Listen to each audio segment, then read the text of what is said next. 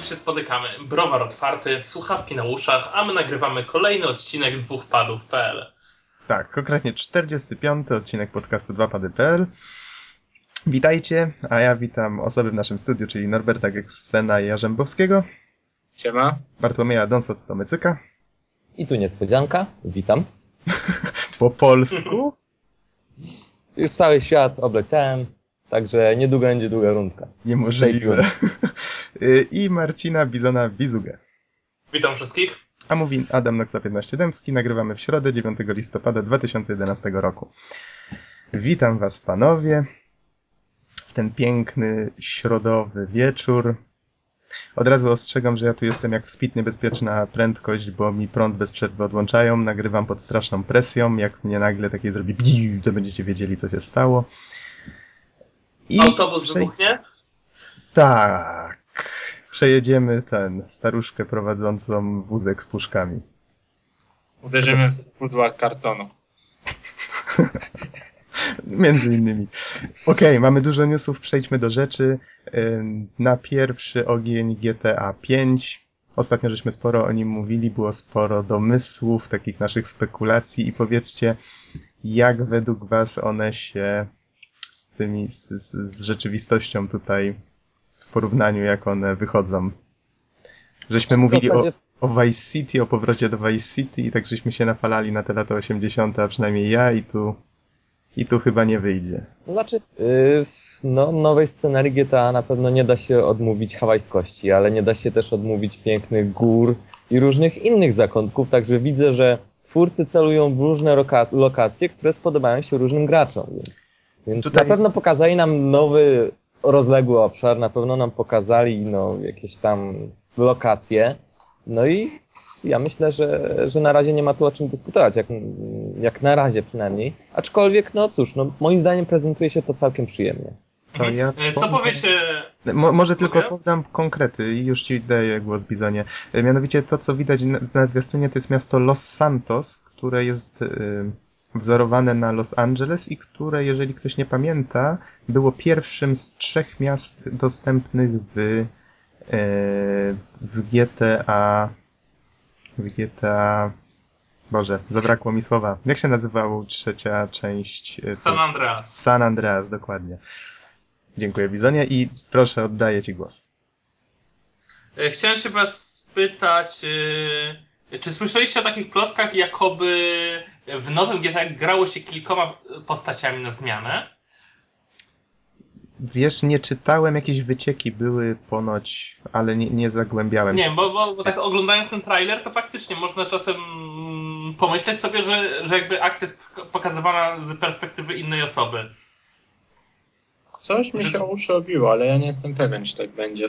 Ale zwróć uwagę, że jedna osoba jest pełni rolę narratora w tym zwiastunie. To sprawia Mhm. wrażenie z kolejnej takiej historii. e, Wiecie co, a z drugiej strony plotka może być jak najbardziej prawdziwa, tak? Bo przecież nikt nie powiedział, że, e, że to założenie nie tyczy się dodatków, które się by mogły pojawić dokładnie tak jak w GTA 4. No tak, to oczywiście wchodzi w grę. Wiesz, Nox, ja myślę, że to jest to, że jest jeden narrator, w ogóle nie przeszkadza tej koncepcji kilku postaci, bo ten narrator to może być powiedzmy no, jedna z kontrolowanych postaci, która opowiada jedną ciągłą historię, w której biorą udział różne postaci, którymi będziemy kontrolować. Ale to Mhm. było ciekawe w sumie. Jak na GTA to był taki Fajny. troszkę powiew świeżości. Fajny pomysł i jeszcze chciałbym zwrócić tutaj uwagę, że żeśmy się zastanawiali w poprzednim tygodniu, czy będzie bohaterem y, tego zwiastuna faktycznie postać, czy pokażą coś innego. I ostatecznie wyszło na to, że y, głównym bohaterem zwiastuna jest miasto. Choć oczywiście narrator tutaj wskazuje na jakąś postać, ale nie, nie widzimy jej wcale, możemy się tylko domyślać, kto to jest. Ale wiecie co, ja sobie teraz przypomniałem i faktycznie z GTA 4 też chyba było jednak identycznie, że najpierw zobaczyliśmy miasto. Tak, bo ja już nie pamiętam dokładnie, jak to było. Tak się zastanawiałem po poprzednim podcaście i chyba faktycznie pierwszy trailer pokazywał też również tylko miasto. Mhm. No ja już niestety wyleciało mi Dobra. A to, co ciekawi mnie najbardziej, czyli y, czy wydaje wam się, że to jest nowy silnik? Bo ja bym chyba stawiał jednak, że to jest nowy silnik. Poziom detali jest naprawdę zastraszający. To ja nie wiem, to jakaś armia ludzi musi nad tą grą pracować. E, tak, no po prostu te kosmos. uliczki, tam widać, że po prostu... Ja nie wiem, jak można stworzyć tak olbrzymie miasto, ciekające taką ilością detali. To jest poezja. Ja też nie wiem, naprawdę ja, ja po prostu nie byłem w stanie uwierzyć. Z zastanawiam się, ile osób jest potrzebnych i właściwie jak zarządza się taką grupą, żeby ten level design faktycznie sobie z tym No, radził. A to Nie ja pytaj, ile jest potrzebnych osób, zapytaj, ile jest potrzebnych pieniędzy. No też. to jakby na drugim miejscu. Jak wiadomo, Rockstar, oni nigdy nie oszczędzają na grach. To dokładnie. jest A jedna z tak, firm, która ma stałą najwyższy koszt produkcji gier. Mhm. a to ja dodam taką ciekawostkę, że jeszcze jakieś pół roku temu nawet były przewidywania, że GTA 5, tak, zanim w ogóle były pierwsze trailery, e, sprzeda się w ilości 25 milionów egzemplarzy, więc no całkiem nieźle. Mm, I jeszcze kolejna taka ciekawostka, to e, co ciekawsi dopatrzyli się na zwiastunie e, takiej sceny, gdzie pewien pan wbija tabliczkę coś tam na sprzedaż Mhm. tam są jakieś cyferki, które można odczytać też jako datę. I że gra będzie w sprzedaży tam kiedyś, a kiedyś, nie pamiętam niestety dokładnej daty, ale to była wiosna albo lato przyszłego roku. E, no, no i z tego wyczytali. A A, maj, to był maj dokładnie. Zwiastun Ale zamieścimy pod podcastem, to każdy będzie mógł tabliczkę zbadać samemu. A wydaje, wydaje mi się, że temat na razie już odłóżmy, mamy dużo newsów, ale może najpierw Don, 15 sekund Mhm. twoje. No właśnie. Yy, Ja na ostatnim podcaście wspominałem yy, zapomniany tryb multiplayer GTA 2. Oczywiście jak najbardziej go chwalę. Ale że jest jedna ważna rzecz, którą należy, o której należałoby wspomnieć. Otóż od czasu do czasu zdarza się niestety pewien bug. Bug, yy, za mocą którego niestety klienty się rozstrajają i w ten sposób powstaje taka sytuacja, że my kontrolujemy oczywiście siebie, ale drugi gra, gracz porusza się bezsensownie i jak, jakby był zwykłym jakimś mm, no, kiepskim botem. I natomiast drugi gracz, który z nami gra, widzi dokładnie to samo. I żeby po prostu no, temu bugowi zapobiec, no niestety trzeba rozpocząć pojedynek jeszcze raz i wtedy już będzie wszystko ok. Nie zdarza się to znowuż aż tak często, ale warto to mieć w pamięci, bo takie rzeczy potem rodzą pewne wątpliwości. Ej, Tak, ja cię zabiłem. Nie, to ja cię zabiłem. I tak dalej. A jeżeli chcecie poznać szczegóły na temat opinii Dona dotyczącej multi w GTA 2, to zachęcamy do sięgnięcia po poprzedni podcast. A teraz jakiś temat typowo bizoniasty, czyli Xbox 720. Cóż to Tak, takiego? tak. Przyrost plotek e, na temat konsoli Microsoftu przyszłej jest po prostu imponujący w tym tygodniu. E, Są to, są, są to informacje totalnie jak na ten moment troszkę wyssane z palca. E, Najbardziej rozśmieszył mnie dzisiejszy news na serwisie chip.pl, Mhm. gdzie osoba, która podobno już wcześniej udzielała różnych ciekawych informacji na temat e, przyszłych konsol, e, wypowiada się. To jest osoba, która się nazywa MS Nerd. Czyli ktoś teoretycznie, kto powinien siedzieć w tym bardzo e, dobrze w tej tematyce. I otóż e, zaczyna swoją wypowiedź od tego, że konsola ma nazwę kodową Loop. Okej, Loop, całkiem fajna nazwa kodowa, myślę, żeby mogła pasować. W końcu, w końcu to jest Xbox 720 teoretycznie, więc to kółko, żeby mogło być jeszcze bardziej yy, zaokrąglane w kółko, to faktycznie by mogło być taką pętlą. Dobra, tutaj nikt się nie będzie sprzeczał. To Następnie będzie po tym- pętla śmierci. Następnie po tym następuje pętla bzdur, yy, które prawdopodobnie nie mogą mieć absolutnie nic prawdziwego w sobie. Mhm. E, MS Nerd zakłada, że przyszła konsola Microsoftu miała być obsługiwana przez niezapowiedziany jeszcze system Windows 9. Aha, no to bardzo fajnie, szkoda, że, że jeszcze nie wyszedł Windows 8, a konsola powinna się pojawić tak naprawdę całkiem niedługo, więc sorry. Może to tu? literówka. Ej, Nie, słuchajcie, a może to po prostu jest żart z okazji 9 listopada, co?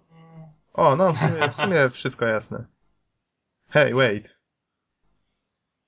Mam... E, następnie wypowiada się na temat procesora, który ma zostać zastosowany To jest e, najlepsze. wewnątrz, wewnątrz, wewnątrz e, konsoli. Ma być to jeden procesor główny z wieloma dodatkowymi rdzeniami dedykowanymi odpowiednio grafice, sztucznej inteligencji, fizyce, dźwiękowi, łączności, szyfrowaniu, swoją drogą ciekawe po co szyfrowanie, i, i czujnikom. Okej, spoko, spoko, czyli troszeczkę taki bardziej procesor jak w PS trójce. Trudno jest się wypowiadać, tylko jest to jeden mały szkopuł. Osoba ta zakłada, że będzie to procesor ARM, co jest już totalnym Przypomnę, że zaprzestaniem procesory bullshit- ARM, bullshitem. Przypomnę, że procesory ARM są stosowane w różnych urządzeniach przenośnych. Miał go m.in. Game Boy z konsolek, y, DS. Nie, no generalnie rzeczy- ARM zna się przede wszystkim z obecnie dostępnych na rynku tabletów i telefonów komórkowych. Jednak troszeczkę im daleko do procesorów stosowanych w komputerach, a jakby nie patrzeć, nowa konsola musi mieć wydajność co najmniej takiego dobrego komputera. E, Tu, tu nie, ma, nie ma żadnej innej opcji. Więc tak, w ten sposób dziękujemy panu MS Nerdowi e, za informację wyssane absolutnie z palca i e, absolutnie nieprzemyślane pod względem faktycznej możliwości realizacji czegoś takiego. Chyba, że tak naprawdę chciał nam opowiedzieć o jakiejś konsoli przenośnej Microsoftu, o której nikt inny nie wie. A Bizonie, a jeżeli by się okazało, że jednak będzie w stacjonarce ten ARM, co byłoby dość zabawne oczywiście, to zjadłbyś nie, no to, własny to jest melonik? niemożliwe. No zjadłem, ale nie uwierzę w to. To są jednak Ale nie masz melonika, najpierw musiałbyś go kupić. Bizon zgoli brodę. To z gole brodę, okej. Dobra, Ledwo co Dużo już natomiast- chcecie, żeby... Dużo No, lepiej natomiast prezentuje się news y, na poligami. Xbox Mhm. 360 na święta 2012. Co jest całkiem sensowne, tym bardziej tak jak rozmawialiśmy do tej pory w naszych podcastach, zakładamy, że nowa konsola zostanie pokazana na E3. Y, Będzie będzie z Windowsem 8 i Windows Phone.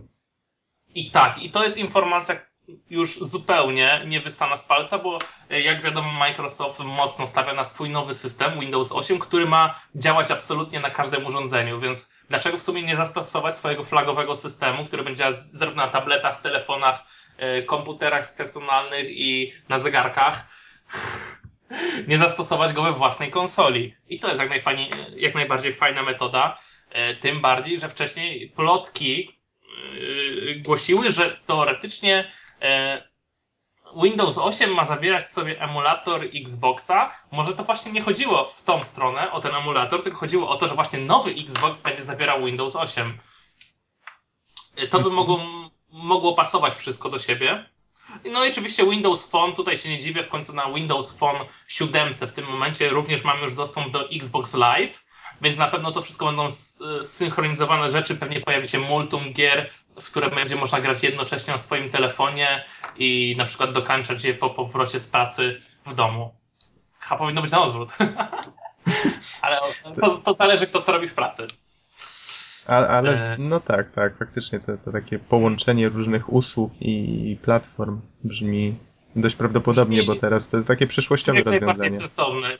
Brzmi jak najbardziej sensownie, tym bardziej, że wszystkie urządzenia, na przykład firmy Apple, robią dokładnie to samo, czyli synchronizują Mhm. się ze sobą i współpracują. Microsoft wie, co robić, tak, żeby nie stracić tego kawałka tortu, który jest istotny dla użytkowników.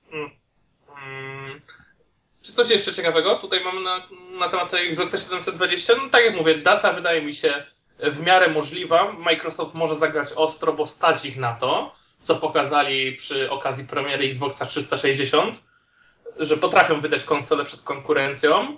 I myślę, że to był I że może być problem. najbardziej wadliwym sprzętem wszechczasów. Może być najbardziej wadliwym sprzętem wszechczasów, ale czy tak naprawdę e, zaszkodziło to popularności konsoli? Nie, niekoniecznie. No, to akurat fakt. A skoro Ludzie jesteśmy przy sprzedaży i finansach, możemy przejść do następnego newsa. Tak, dokładnie. Mam tutaj. Sony. Tak, właśnie Ale Bizon, Sony. nie masz jeszcze coś do dodania, bo ci przerwałem, przepraszam. E, nie wiem, no mówię, ja się zgadzam, zgadzam z tą datą. Jeżeli to zrobią, to Nintendo będzie mocno zaskoczone. Mhm. To teraz właśnie, no, no ciekawie się zapowiada przyszły rok, to trzeba przyznać. A ja tutaj, tak jak Norbert zapowiedział, mam newsa z cdaction.pl na temat finansów, a dokładniej finansów Sony. Okazuje się, że liczba sprzedanych PlayStation 3 już dobija, a właściwie w końcu dobija do ilości sprzedanych Xboxów, to a propos popularności. I e, w dru- tutaj cytuję, w drugim kwartale tego roku rozliczeniowego, który zakończył się 30 września, sprzedano 3,7 milionów egzemplarzy PlayStation 3, rok temu 3,5 miliona i 37,4 miliona gier na tę platformę. W sumie od dnia premiery konsoli rozeszła się ona na całym świecie w liczbie 55,5 miliona sztuk. Dla porównania Xbox 360 znalazł 57,6 miliona nabywców. Tutaj koniec cytatu. A. Czyli 55,5 i dla porównania Xbox 57,6. Obie platformy Czyli dzieli już, PlayStation więc niecałe 2 nadgoniło troszeczkę tą różnicę. Tak, a Nintendo i tak jest dalej dawno z przodu. I tutaj jeszcze dalej w tym newsie mm, Sony zanotowało straty w tym, w tym roku rozliczeniowym, konkretnie y, cała firma Sony 20 milionów dolarów, a niestety oddział odpowiedzialny za PlayStation odnotował straty rzędu 40, 449 milionów dolarów. Mm, To jeszcze nie jest Dużo. tragedia przy takich dużych firmach. Z kolei rok temu dla porównania całe Sony jako firma y, miało zysk, mm, zysku dokładnie 880 milionów dolarów. Czyli zarobili w zeszłym roku to, co stracili teraz. No można A to- tak powiedzieć. To nie ale to trzeba brać pod uwagę, jednak- że, że teraz kurs jena wysoki, że te trzęsienia ziemi były, te tragedie tam w Japonii, więc to, to wszystko tak się jakoś złożyło. Nie po... To przede wszystkim fabrykom na pewno się dostało jakimś. No to jest dokładnie. niemożliwe. Do, do, do tego dokopa, do, dokopali im anonimowi. No to musiało się odbić, tak? To, to Mhm. nie było innej możliwości. I tak nie jest źle, moim zdaniem. A propos, jesteśmy Widać- już przy PSN-ie, tak wspomniałeś o anonimowych. Tam słyszałem gdzieś wcześniej, że ilość e, użytkowników usługi wzrosła nawet w porównaniu do, do, do tego sprzed ataku, ale nie mam tutaj żadnego linka, żeby to potwierdzić. To tak jakoś gdzieś przeczytałem, nawet nie wiem, czy to prawda. E, Jasne, tutaj- ten, ten ziomeczek z Sony siedzi, zakłada konta cały dzień. E, Kevin Butler, tak, siedzi i zakłada. Tak, Kevin Butler pomiędzy kręceniem reklam zakłada konta Ale wiecie na co? Jedno z kolei Sony zagranie tutaj robi ostre, mianowicie kolejny news CD Action. Mm. Tutaj na, na PSN-ie do tej pory było ograniczenie bodajże pięciu gier. Yy, znaczy inaczej, jedną grę można było sobie pobrać na pięć platform różnych. Pięć konsol. Pięć konsol, no tak. Yy, Z kolei teraz ma być to ograniczone. Teraz cytuję. Zmiany będą dotyczyć wszelkiej zawartości z PSN, jaką nabędziecie po 18 listopada. I, I to tak, już będzie można tylko na dwie platformy. Tutaj Sony zakłada, że będzie to wasze PlayStation 3 i wasze ewentualne PSP. Ale ma to zapobiegać przede wszystkim nielegalnej, no bo jest to sprzeczne z licencją, wymianie na przykład, że dajecie swoje dane do konta komuś i on sobie pobiera te, te, rzeczy, które wy żeście kupili. Tam były jakieś zabezpieczenia, że trzeba było dane na przykład zostawiać na konsoli, do, do konta i tak dalej. To dało się jakoś obejść, ale jak widać Znaczy bardzo... nie, nie, moż, nie można było kasować powoli, że- konta. Słucham? Nie można było kasować konta. Z konsoli, na której korzystało się z tej zawartości. No tak, dokładnie. Dokładnie. Mm, No i jak widać, Sony bardzo boli to, że, że, że ludzie jednak tak kupują na pięć osób, powiedzmy, jedną Czy powiedzmy grę. tak, są, są idiotami, że nie przewidzieli tego wcześniej, tak? A ja mam takie Trochę pytanie. tak, ale... Mhm. Jeżeli popsuje mi się konsola, powiedzmy, No to masz problem. no nie, właśnie, nie, to To znaczy, może inaczej, możesz wycofać swoje konto z danej platformy, tylko nie wiem, czy jesteś w stanie to można zrobić. wycofać autoryzację i wtedy nie ma problemu. no tak, ale Czy jesteś w stanie to zrobić na sprzęcie, który się na przykład spalił? Chyba nie. No nie, tego nie zrobię. I to jest problem. No, Więc być może w serwisie, Jeżeli się dwa playaki, to cała kolekcja przepada. wiesz, domyślam się, że być może w serwisie jakby stwierdzili, że faktycznie zgon konsoli nastąpił i porównali numer e, ID, znaczy numer seryjny tej konsoli i tam sobie wstukali coś w systemie, to pewnie byliby w stanie ci to od, odblokować. Ja myślę, że to jest bardziej zorganizowane, nie wiem, tak e, obstawiam, że powinno być tak zorganizowane, że przez stronę internetową, przez którą się logujemy, powinniśmy móc e, usuwać urządzenia, które są jakby autoryzowane przez nas. To A miało tak sens. być, tak być może też się da. Mm, Wiecie, nie, nie wiem, to ktoś tematu musiałby sprawdzić. Wiem, że Apple robi coś takiego, że możemy sobie autoryzować tam wykorzystywanie wszystkich naszych rzeczy na pięciu urządzeniach maksymalnie. I Jeżeli chcemy dodać kolejną, to musimy któreś inne zdezaktywować nie ma problemu. Być może tak będzie, albo tak już jest, nie jestem pewien, ale na pewno możesz się zalogować na swoje konto. Nie, bo internet. o- oni by inaczej, inaczej narobiliby sobie bałaganu i problemu, więc myślę, że to przewidzieli. Mhm. Dobrze, lecimy to- dalej, panowie. A ja jeszcze dodam odnośnie sprzedaży konsol, Aha, że Xbox i PlayStation próbują dobić do tych 60 000 tysięcy, podczas gdy Nintendo dobiło do 60 90 milionów. No tak, przepraszam, 60 milionów, ale Nintendo dobiło już do 90 milionów. Ze swoim A. Wii? Tak, Wii, dokładnie. No tak, ale jaką mają sprzedaż gier, nie? Ratio jest zupełnie inne. Nie wiem, nie analizuję tego, tak? A No bo teoretycznie każda, każda konsola Wii została sprzedana z Wii Fit albo innym tam, co oni tam dodawali takiego chwytnego? Nie, oni dodają Wii Sport, A, a, i Wii teraz dodają Sport, też, tak. a teraz dodają też Wii Resort. Różnie dodają. Zależy Sport, jaki Sport plan. Resort. I głównie dlatego Mhm. była to jedna z najlepiej sprzedających się gier. Czy w ogóle jest najlepiej sprzedającą się To jest grą. chyba najlepiej sprzedająca się gra w historii. A, a teraz ostatnio to jest strasznie wyświechtany termin. A co z Angry Birds? Ale Angry Birds często możesz. Oni mówią o pobraniach, a nie Aha, sprzedaży. Tak, no oni- tak, słusznie. Oni zawsze mówią o pobraniach Angry Birdsów. No bo na Androida masz za darmo, na Symbiana było za darmo. Nie wiem, czy nadal jest. Na, e- w, przeglądarce jest za darmo, chyba na, na, na Facebooku czy gdzieś też jest za darmo, więc... Dokładnie. To jest uwaga. takie naciągane. Y, To teraz takie bardzo szybkie newsy, mianowicie dzisiaj, czyli w środę pojawił się na, był update PSN-a, pojawiło się tam parę, parę, kilka fajnych rzeczy, w tym demko Rayman Origins. To jak ktoś tutaj śledził nasze, y, a właściwie moje tutaj wywody na temat tego, jaki fajny może być nowy Rayman, teraz sam może to sprawdzić, ja jeszcze tego nie zrobiłem. Gra już chyba wyszła, prawda? Y, 15 listopada. 15 listopada, tak. Y, Kolejna rzecz, wychodzi nowy Alan Wake, a przynajmniej został zapowiedziany i ma się nazywać Alan Wake's Night Springs. I prawdopodobnie będzie dystrybuowany tylko cyfrowo na Xbox Live.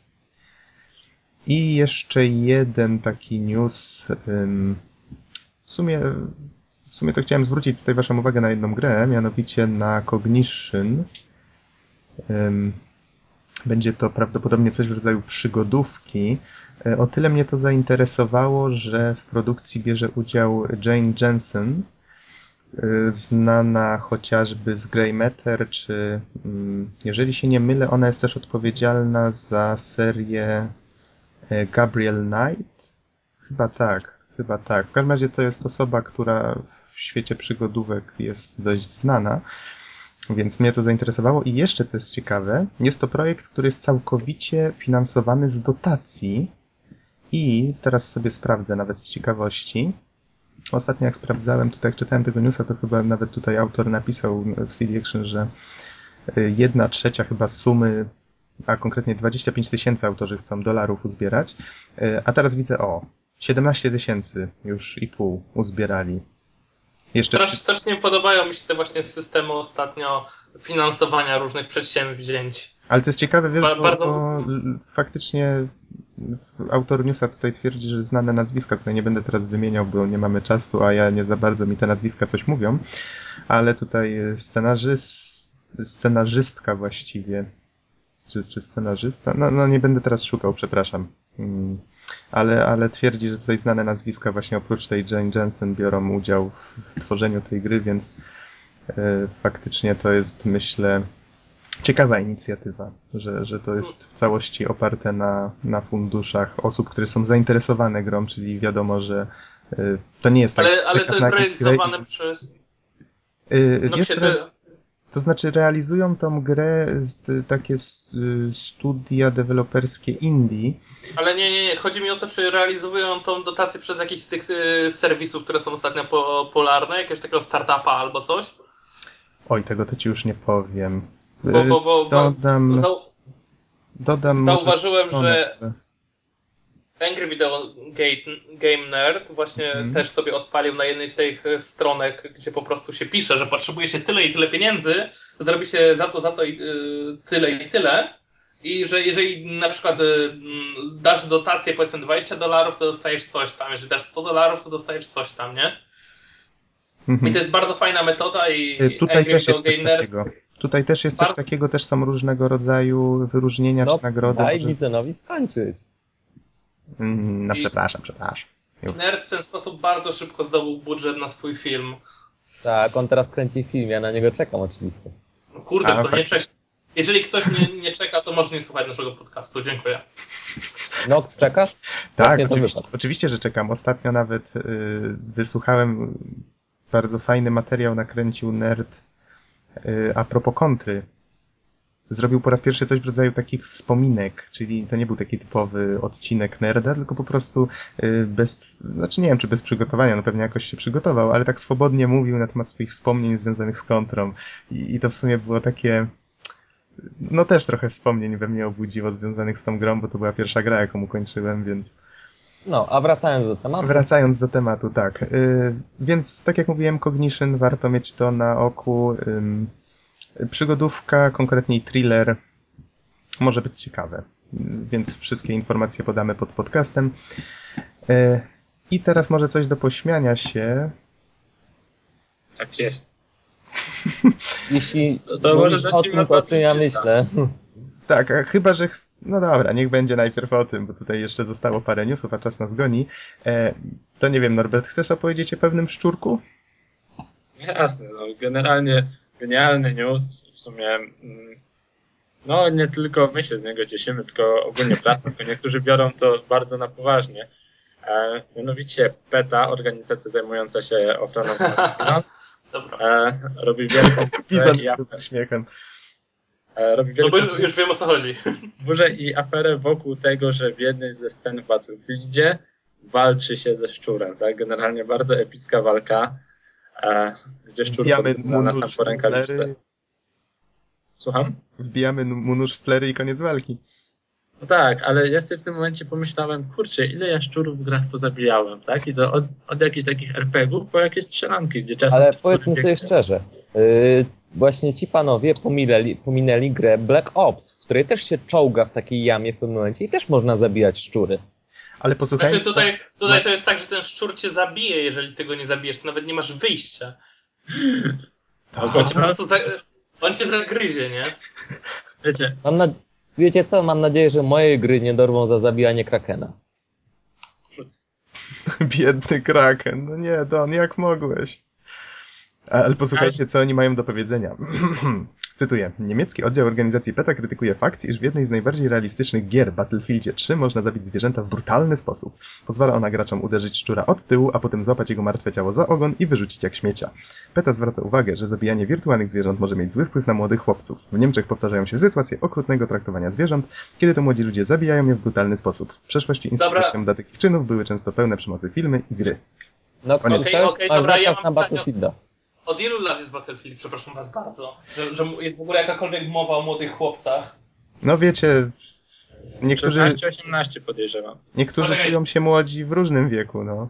Ja idę do mojej półki z grami, właśnie biorę Battlefielda jest od 16 lat. No właśnie.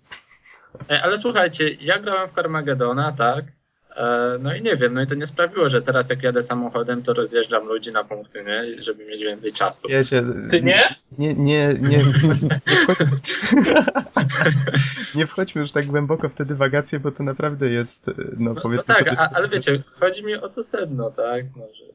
No to jest śmiech na stali, tak? Czepianie się rzeczy, yy, ale nie w ten sposób, że się czepiają do nich za każdym razem, tylko akurat w tym jednym wypadku. To jest po prostu dziwne. Niech pójdą aresztować tych młodych chłopców, którzy kopią psów, y, psy na, na ulicy, a nie tutaj gadają głupoty, tutaj mówiąc delikatnie o jakichś szczurach, że tak skwituje. To. Wiecie co? Ale szczerze powiedziawszy, tak na dobrą sprawę, to oni tylko nakręcili promocję tej gry, więc... Tak, pewnie.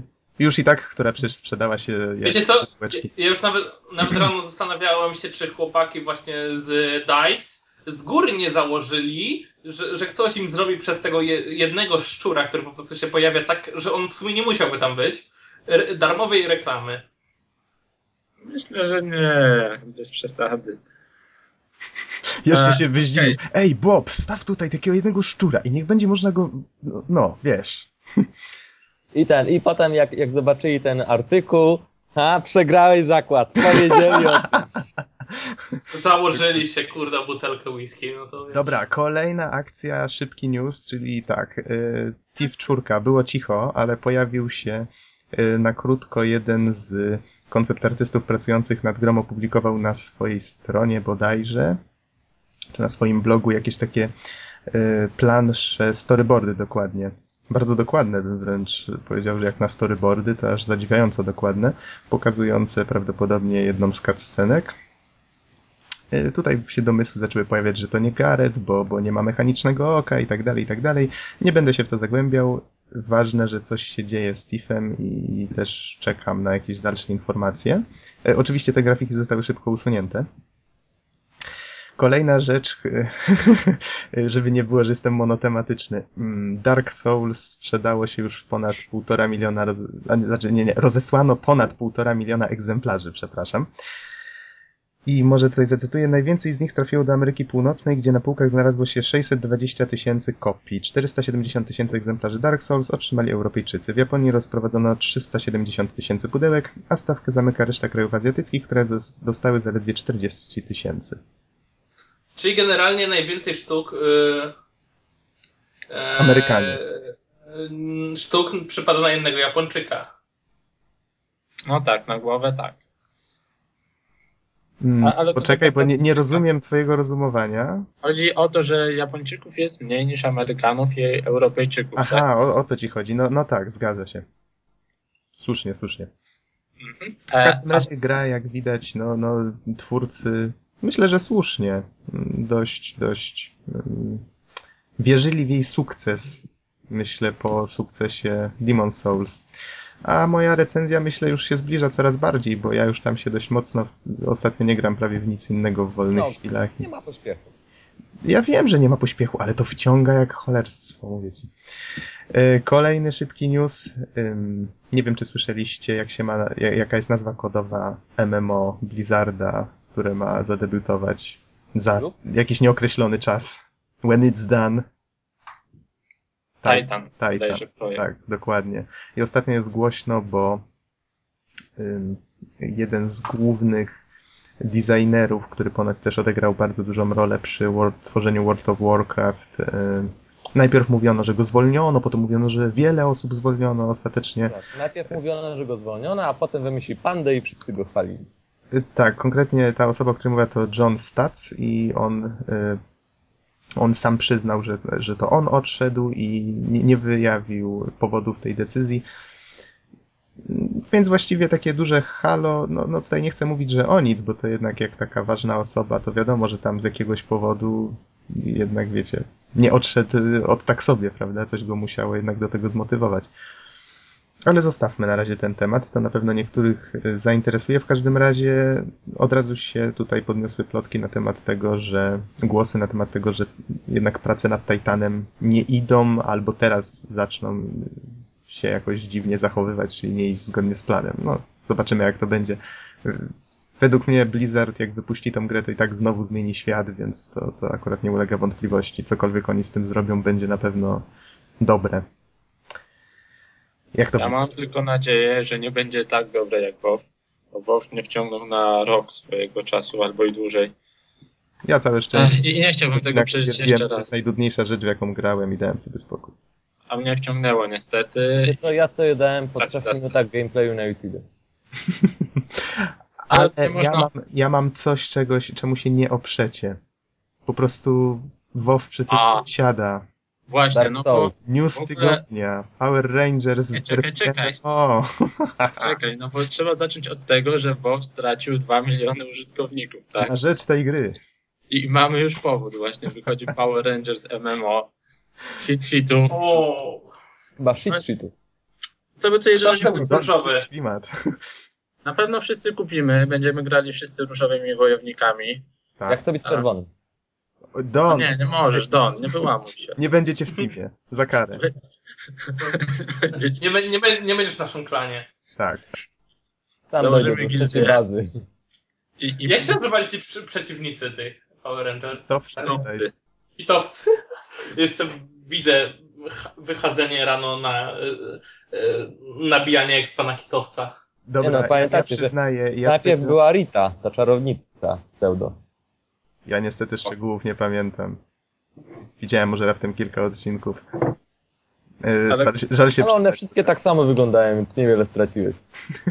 Dokładnie. E, coś chciałem dodać. A, e, ja co prawda tylko tak tak przeleciałem ten filmik tak raz, dwa, wiecie, na szybko, bo on z 10 minut trwa, ale jak zobaczyłem, że oni walczą z wielkim, co to było, kaktusem? Kaktusem. To znaczy, nie żeby na przykład no w finalach to jeszcze jestem w stanie tego kaktuara skaczącego tam, bo to fajna. Wiesz co, Nox? Ja cię wyręczę. What's the point? What's the point? Ej, ej, a wiecie co sobie pomyślałem? Że oni mieli takie fajne transformersy w sumie, które mogli przyzywać. No mieli. I, i granie tym w sumie W sumie To, to, I można było sobie robić różne i Oj, to ja mogę takie- sobie Togo zainstalować i efekt będzie, myślę, nawet lepszy. Skille to będą fajne, tak. Tak, Togo. ale- Czemu jeszcze nikt nie zrobił tak fajnej gry z mechami? na pewno będzie to spartolone, w sensie w tym, w Power Rangersach, tak? No Dobra, mo- może starczy tego genialnego newsa. Tak, tak, fun factor. Znaczy nie, no to myślicie, myślicie, że to jest taka próba wyjścia z MMO dla młodszych użytkowników? Ale Tak na Powiedzmy przykład jak szczerze, no. Lego MMO? Czy, czy jak Ale ono się nazywało? Lego World? właśnie, bo my jesteśmy tutaj przecież e, takie polski stereotypowe myślenie. My wiemy, że to jest shit, że Power Rangers to raczej nie, nie jest nic dla nas. Ale no powiedzmy sobie szczerze, może gdzieś tam daleko, daleko jest taki kraj, w którym to jest cool. Tak? I to się Wszyscy, sprzeda. wszyscy, wszyscy się tak ubierają do pracy. Nie, nie, wiecie co, całkiem, całkiem na poważnie, to chyba cały czas kręcą nowe serie tych Power Rangersów, więc no ktoś musi to odbierać, tak? I kupować, raz- tak? Ostatni raz ktoś mi chyba mówił o tym kilka lat temu, że jakąś taką serię zaczęli nową kręcić, która jest tym razem zupełnie z przymrużeniem oka, wiecie, i to nadal jest taki kicz, ale tym razem zrobiony tak z jajem i w sumie to nie widziałem tego na oczy, ale doszedłem do wniosku, że może to jest właśnie prawidłowy, jak na dzisiejsze czasy, prawidłowe podejście. Go, go, Power Rangers. Um. Dobra, No, teleportujemy się do Zordona, wchodzimy dalej. Teleportujemy się do Zordona, żeby nam przedstawił Nintendo Newsy. czekam na jingle. It's Nie me, Mario. Okej, może być. E, więc zaczynamy powoli. E, no to będzie najpierw Zeldowo troszkę, ponieważ są dwa newsy związane z Zeldą. E, więc zacznijmy od tego, że na 3DS-a powstaje nowa Zelda, która nie jest żadnym remake'iem, tylko zupełnie nowy tytuł. E, no i w sumie niestety nic więcej na ten temat nie wiadomo. Wiemy tyle, że coś powstaje, że coś się tam gotuje. No i bardzo fajnie.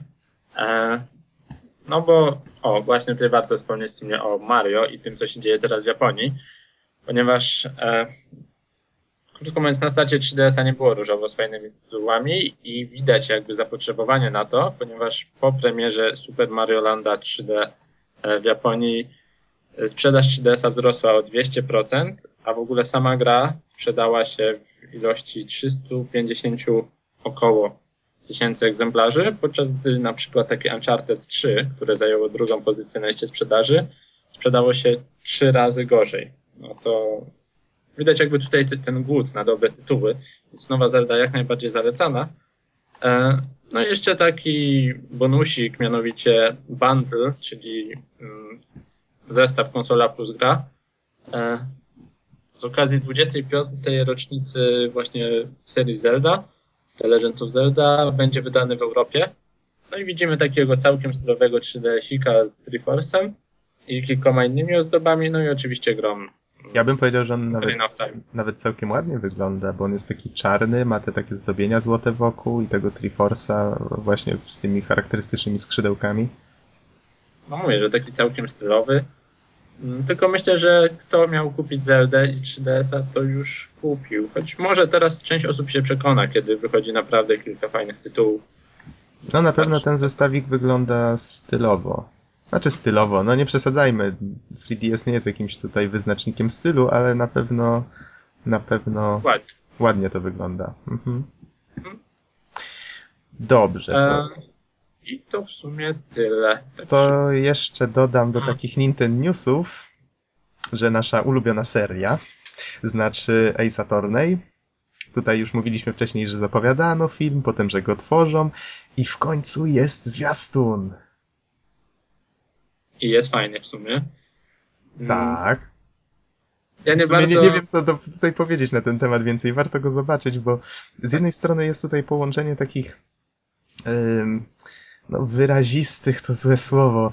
Y, Mamy tutaj taki typowy cosplay, wręcz bym nawet powiedział. Tak, tak wygląda to troszeczkę sztucznie, a z drugiej strony mamy tutaj film oparty na... y, na pierwszej części. tak, to on jest przede wszystkim oparty na pierwszej części gry. E, Na tych już widać po zwiastunie, że to są te cztery pierwsze sprawy, które tworzyły pierwszą część. To jest pominięciem tej dodatkowej piątej, która została dodana na DS-ie, ale chciałem powiedzieć, że ten film i tak jest oparty na serii, która sama siebie traktuje z przymrużeniem oka, więc nie ma co tego filmu traktować jakoś zbyt e, poważnie, ale myślę, że szykuje się coś, coś całkiem fajnego dla fanów. Mam nadzieję tylko, że pojawi się jakaś angielska wersja, a nawet jeśli nie, to fani i tak jakieś napisy na pewno, e, na pewno dadzą, stworzą. Ja nie wiem, czy nie wolałbym oglądać po prostu po...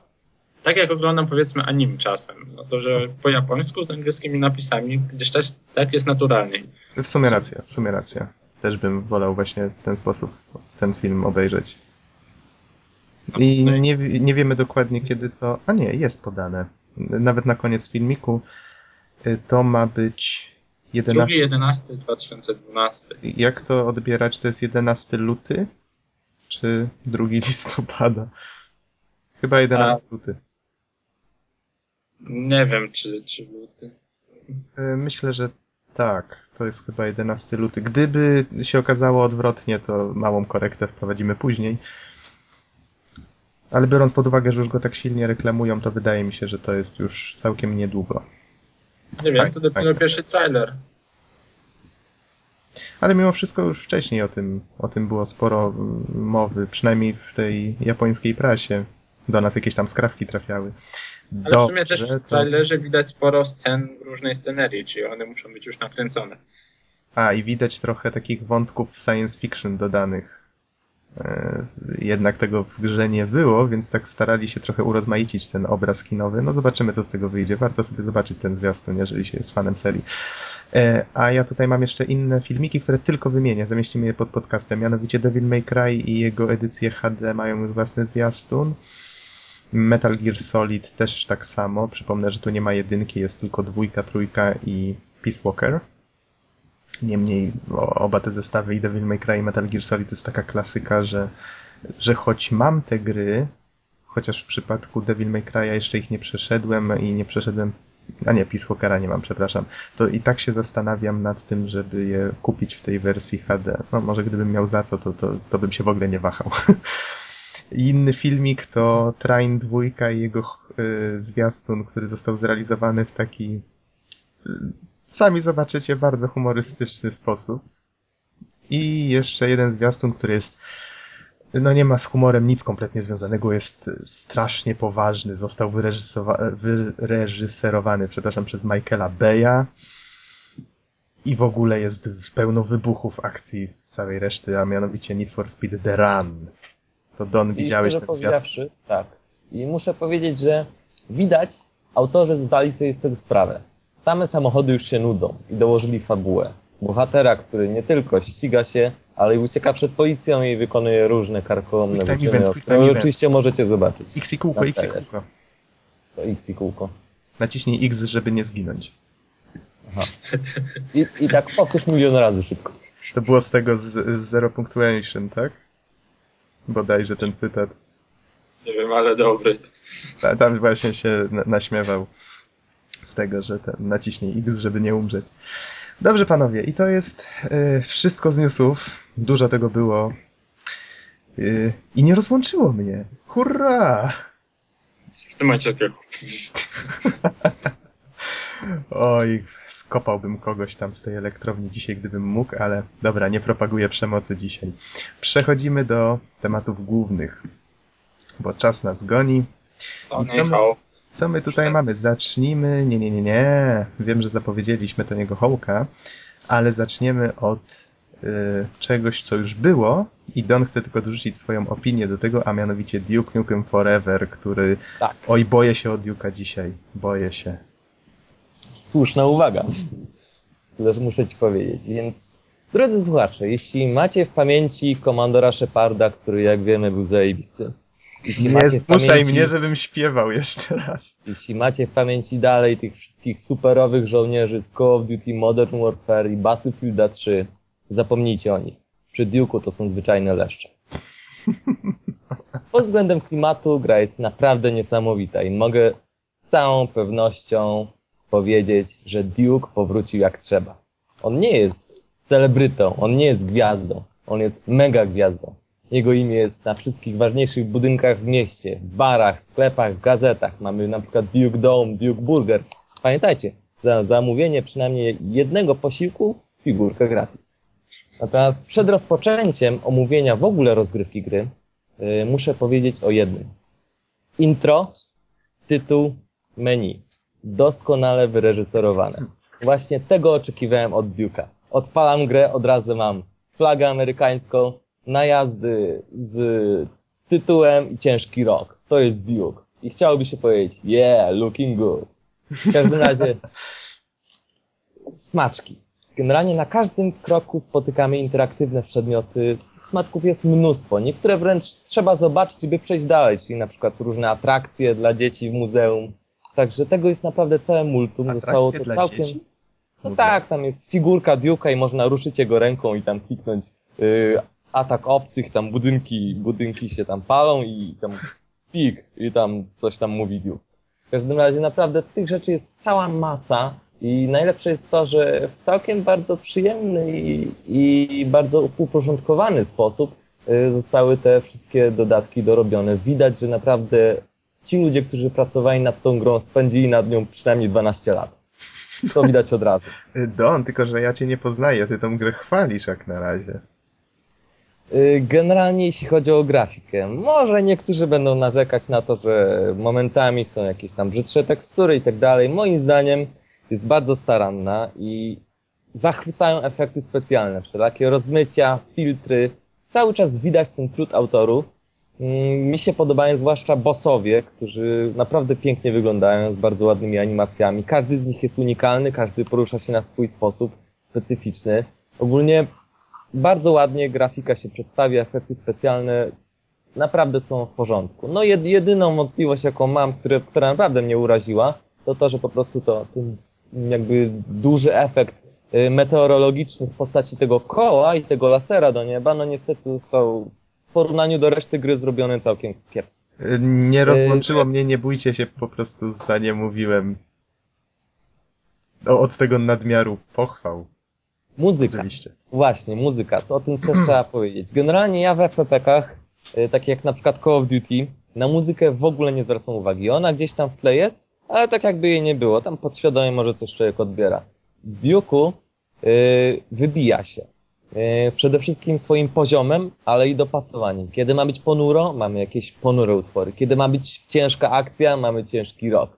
Kiedy ma być patos, uwaga, jest i patos. Także O niespodziankę. Także naprawdę muzyka została świetnie dobrana i nawet nie trzeba się wysilić, żeby zwracać na nią uwagę podczas rozrywki, po prostu ją słychać. Słychać, że jest bardzo dobrze dobrana i ja byłem bardzo, bardzo mile zaskoczony. Generalnie świat Duke'a jest cały kompletny. Mamy dużo pomysłowych motywów, jak na przykład zmniejszacz, jak, nie wiem, jak nazwać to urządzenie, tam, tam broń do zmniejszania, King size. E, czy też na przykład te granaty o, o określonym wyglądzie. To, to wszystko już było, czy nawet strzelba. To wszystko już było w innych y, grach o Duke'u, na przykład Manhattan Project i bardzo się, bardzo się mile zaskoczyłem, że po prostu to wszystko jest kompatybilne ze sobą. Ale to już było. Y, y, generalnie, generalnie teksty Duke'a nie są dobre, nie są bardzo dobre, tylko są genialne. Po prostu słuchasz go i śmiejesz się sam do siebie. Zresztą wśród jego kwestii pojawiło się nawet America, fuck yeah, także to już made my day. Także to muszę powiedzieć, teksty są naprawdę świetne. Mm, Don, y, powtórz ostatnie Jeśli zdanie. chodzi o samą rozgrywkę. Don, powtórz, powtórz nasze ostatnie zdanie, bo jakoś tak cię przerwało. Przerwało. Mhm.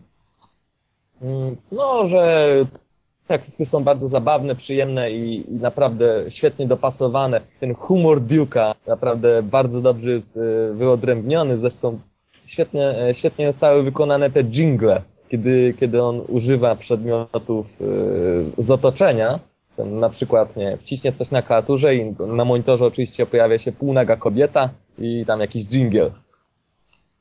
Natomiast y, jeśli chodzi o strzelanie, właśnie, bo to jest też pewien no, taki większy element gry.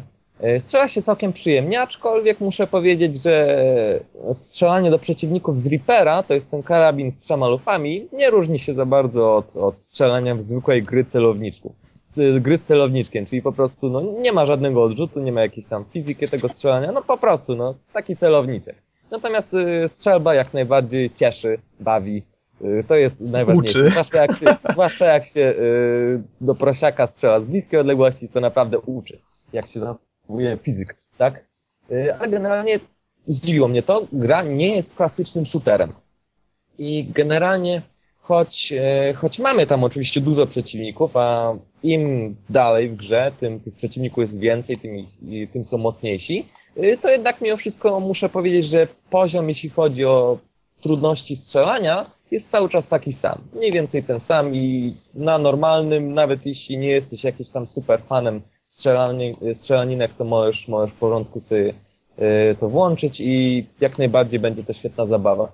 Zdziwiło mnie to, y, bo w grze występują także zagadki logiczne. Mało tego. y, Nie dość, że występują, chociaż one są raczej od, od połowy gry w górę, po, po, po, y, początkowo są to tam zwyczajne popierdółki, które, na które można wpaść po sekundzie, natomiast potem naprawdę się rozwijają i trzeba na, naprawdę się chwileczkę zastanowić, co trzeba zrobić, e, żeby po prostu przejść dalej. Ja miałem, mm, zaciąłem się w Duke'owi w pewnym momencie, kiedy Duke był mały, a przejście blokowała taka duża drewniana skrzynia. Ja próbowałem skoczyć na nią po kubule, ku- po kuble na śmieci, próbowałem ją przesunąć też. Okazało się, że trzeba po prostu użyć ataku wręcz i ona cała ogromna się niszczy. To, to zupełnie było troszeczkę nielogiczne moim zdaniem. Więc, więc po prostu mm, wniosek taki, że do tej gry nie można myśleć logicznie, tylko trzeba myśleć jak Duke. Y, tak, jak powiedziałem, to nie jest klasyczny shooter, są zagadki logiczne i to, mi- to mi się bardzo podoba. Są takie od czasu do czasu jakby areny, jak na przykład z dźwigiem w pewnym momencie gry i trzeba po prostu wykombinować, co trzeba zrobić, żeby przejść dalej. Mamy także elementy zręcznościowe i na, tutaj na, na uwagę mm, zasługuje przede wszystkim kuchnia w Duke Burger. Naprawdę świetny klimat. Yy, bardzo mile mi się to przechodziło, trzeba było troszeczkę się rozejrzeć po otoczeniu. Aha, mogę na hamburgera skoczyć, ale coś tam tak dalej, tak dalej. Także naprawdę bardzo fajnie to zostało zrobione, że po prostu trzeba było się przyjrzeć otoczeniu, gdzie iść dalej, ale znowuż nie było to takie trudne, żeby gdzieś się zaciąć. Yy, kompozycja. Bardzo mi się podoba, dlatego że E, dlatego, że mamy wyraźny podział na części, które są e, kompletne. No, czyli mamy bossa i generalnie, e, generalnie jakiś tam rozdział. Ci bossowie, jak już wcześniej powiedziałem, są dużo, są dopracowani po prostu. I to jest właśnie dobre, bo z jednej strony trzeba naparzać, naparzać, naparzać, a z drugiej strony do innego bossa trzeba najpierw znaleźć sposób, a dopiero naparzać, naparzać, naparzać. Także, no także bardzo ładnie to zostało zrobione i ja naprawdę miałem dużo, dużo zabawy przechodząc tą grę. Yy, Jako, jako taka typowa strzelanina może nie zda, raczej nie zdałaby yy, sprawdzianu, dlatego że po prostu no, ona nie jest nastawiona na samo strzelanie. Tutaj też są elementy zręcznościowe, elementy logiczne i myślę, że one jak najbardziej urozmaicają grę. Yy, Podsumowując, jeśli jesteś dumnym ojcem, Duke z chęcią podpisze twojemu synowi książkę. Jeśli jakiś błazen najwyraźniej bez przyczyny na ciebie krzyczy, Duke da mu wpysk. Jeśli masz jakiekolwiek kłopoty, Duke cię uratuje, albo przynajmniej zapewni mniej bolesną śmierć. Jeśli jesteś gorącą laską i wprawdzie nie masz kłopotów, Duke nadal chętnie się z tobą umówi. Podsumowując, Hail to the King, baby, don't approve. Bizonie, Tak, ktoś to- mi podmienił Dona. Ja nie wierzę, naprawdę. Jak Don mi mówił, że będzie recenzował Duke'a, to ja się bałem, że tutaj będzie, nie wiem, jakiś wiesz, że to zrodzi fale flame'u, że zaczną być, że zaczną być organizowane jakieś Dużo zamieszki. Może to nie był Don, może to był sam Duke. O kurczę. To, to ja tak dodam od siebie, te też przegrałem wcześniej, nie wiem czy słuchaliście moją poprzednią recenzję. Nie, w ogóle cię nie słuchałem. Moim zdaniem e, gra, grafiką i muzyką nie jest tak różowo, ale faktycznie, jeżeli szukacie gry, żeby się trochę pośmiać i usiąść sobie wieczorem przy piwku, bez jakiejś super głębokiej fabuły, no to Duke jest dobrym No jak? rozwiązaniem. Fabuła jest bardzo głęboka, zabierają kobiety. I trzeba je odzyskać.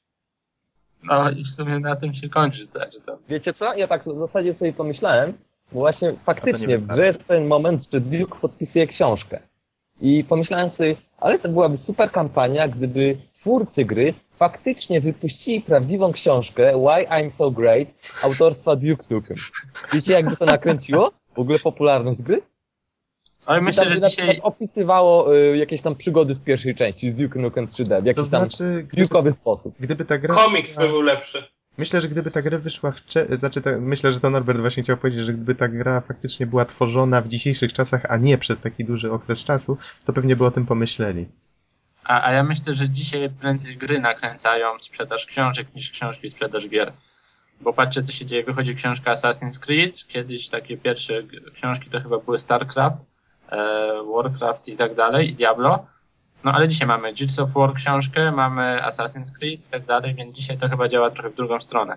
Y, To znaczy tak, tylko y, no, no oczywiście Ja wątpię, żeby ktoś kupował książkę i potem się zachęcił nią, żeby kupić grę. No tak jak mówisz, że ktoś po prostu widząc tą książkę w, y, w grze prawdopodobnie wydałby te, nie wiem, parę dolarów, czy ile by ona kosztowała tak dla samego jaja, prawda, żeby mieć taką, tą ją przeczytać. Ja bym kupił. W sumie to byłoby nawet zabawniejsze od, od jakiegoś DLC, myślę, bo to, co robią teraz z DLC, to jest czasami po A, ale taką książkę, wiesz, Duke'a, tak? Why I'm so great. Co, co No, gdyby była, gdyby była napisana w zabawny sposób, to może by to nawet było warte zakupu. A właśnie, przypomniała mi się jedna rzecz, dosyć ważna rzecz, żeby Mhm. w tej beczce miodu była też łyżka dziegciu.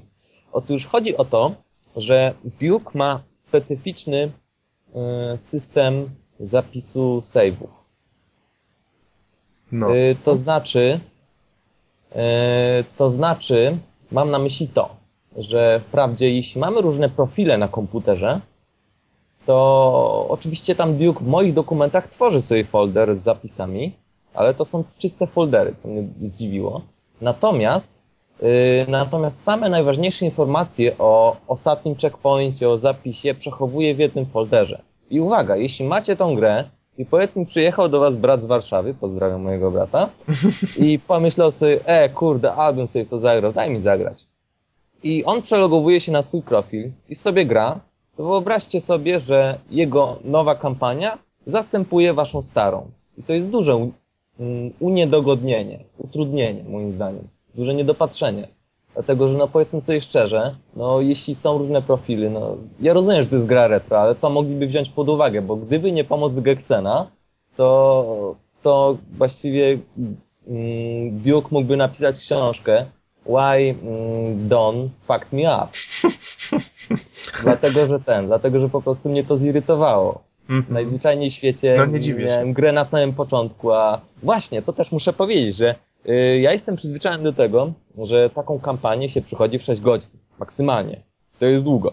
Natomiast y, po, y, posiedzenie jedno było z grą, było drugie posiedzenie z grą, było trzecie posiedzenie z grą i tak włącz, włączyła mi się czerwona lampka. Halo, halo, zaraz, zaraz. Tej gry się nie da przejść na trzech posiedzeniach? Coś jest nie tak. I po prostu okazuje się, że... I twój mózg jest- kazał jest ci naprawdę- myśleć, że już ją skończyłeś. tak, i po prostu gra jest dłuższa. I, i co cieszy, po prostu widać, że, że jest dużo detali, dużo smaczków. Autorzy naprawdę bardzo, bardzo duży wysiłek włożyli w to, żeby zbudować dobry klimat. I naprawdę, no, Duke jest mega gwiazdą i genialnie powrócił, jeśli chodzi właśnie o tą kwestię. No, w 100% mi się podoba ten klimat, naprawdę. Także jeśli szukacie właśnie jakiejś fajnej gry z, z, z elementami strzelania, ale też z logicznymi, ale i ze zręcznościowymi, to naprawdę jest to gra jak najbardziej dla Was. Nawet jeśli nie jesteście czempionami w shooterach. To jest naprawdę taka gra, która znajduje złoty środek. I mi się bardzo, bardzo podoba. Dona Proof, złoty medal przyznany. A jeszcze ostatnio mówiłeś, że nie będziesz tak często przyznawał. Raz na pół roku. Kłamałem. Okej. Okay. Don approved. Duke Nukem Forever. A w zasadzie Lecimy. to można. Bizon mógłby narysować. Bizon mógłby narysować taki zło, złoty medal po prostu i tam by się wklejał do opisu podcastu. O, to może, no może nie jest taki zły pomysł. A propos Bizona. y, Bizonie, obudź się. Twoja kolej. Tony Hawk Moja Shred. kolej. Tak. O matko. Zapomniałeś jak się mówi. Nie, nie zapomniałem jak się mówi, to jest, kurde, ten Tony Hawk, który e, najlepiej mówiąc prostymi słowami, jest ostatnim Tony Hawkiem, który ukazał się kiedykolwiek. A to za, za sprawą magicznego kontrolera, który został dołączony do gry. Deska. E, Deska, tak, mam do czynienia z plastikową deską. E, Trzeba przyznać, że Tony Hawk Shred jest to już druga część gry z kolei, która wykorzystuje ten oto kontroler. Złośliwi mówią, że po prostu nie było co zrobić z kontrolerami, które zostały w magazynach, więc chcąc, nie chcąc, mimo że gra pierwsza się w ogóle nie sprzedała, dopisano jeszcze drugą grę i sprzedano te same deski jeszcze raz, które po prostu zostały w magazynie. Ale powiedz... Czy jest y, tak faktycznie? Czy, jaką czy, czy gra rolę? jest zła? Hmm. Jaką rolę?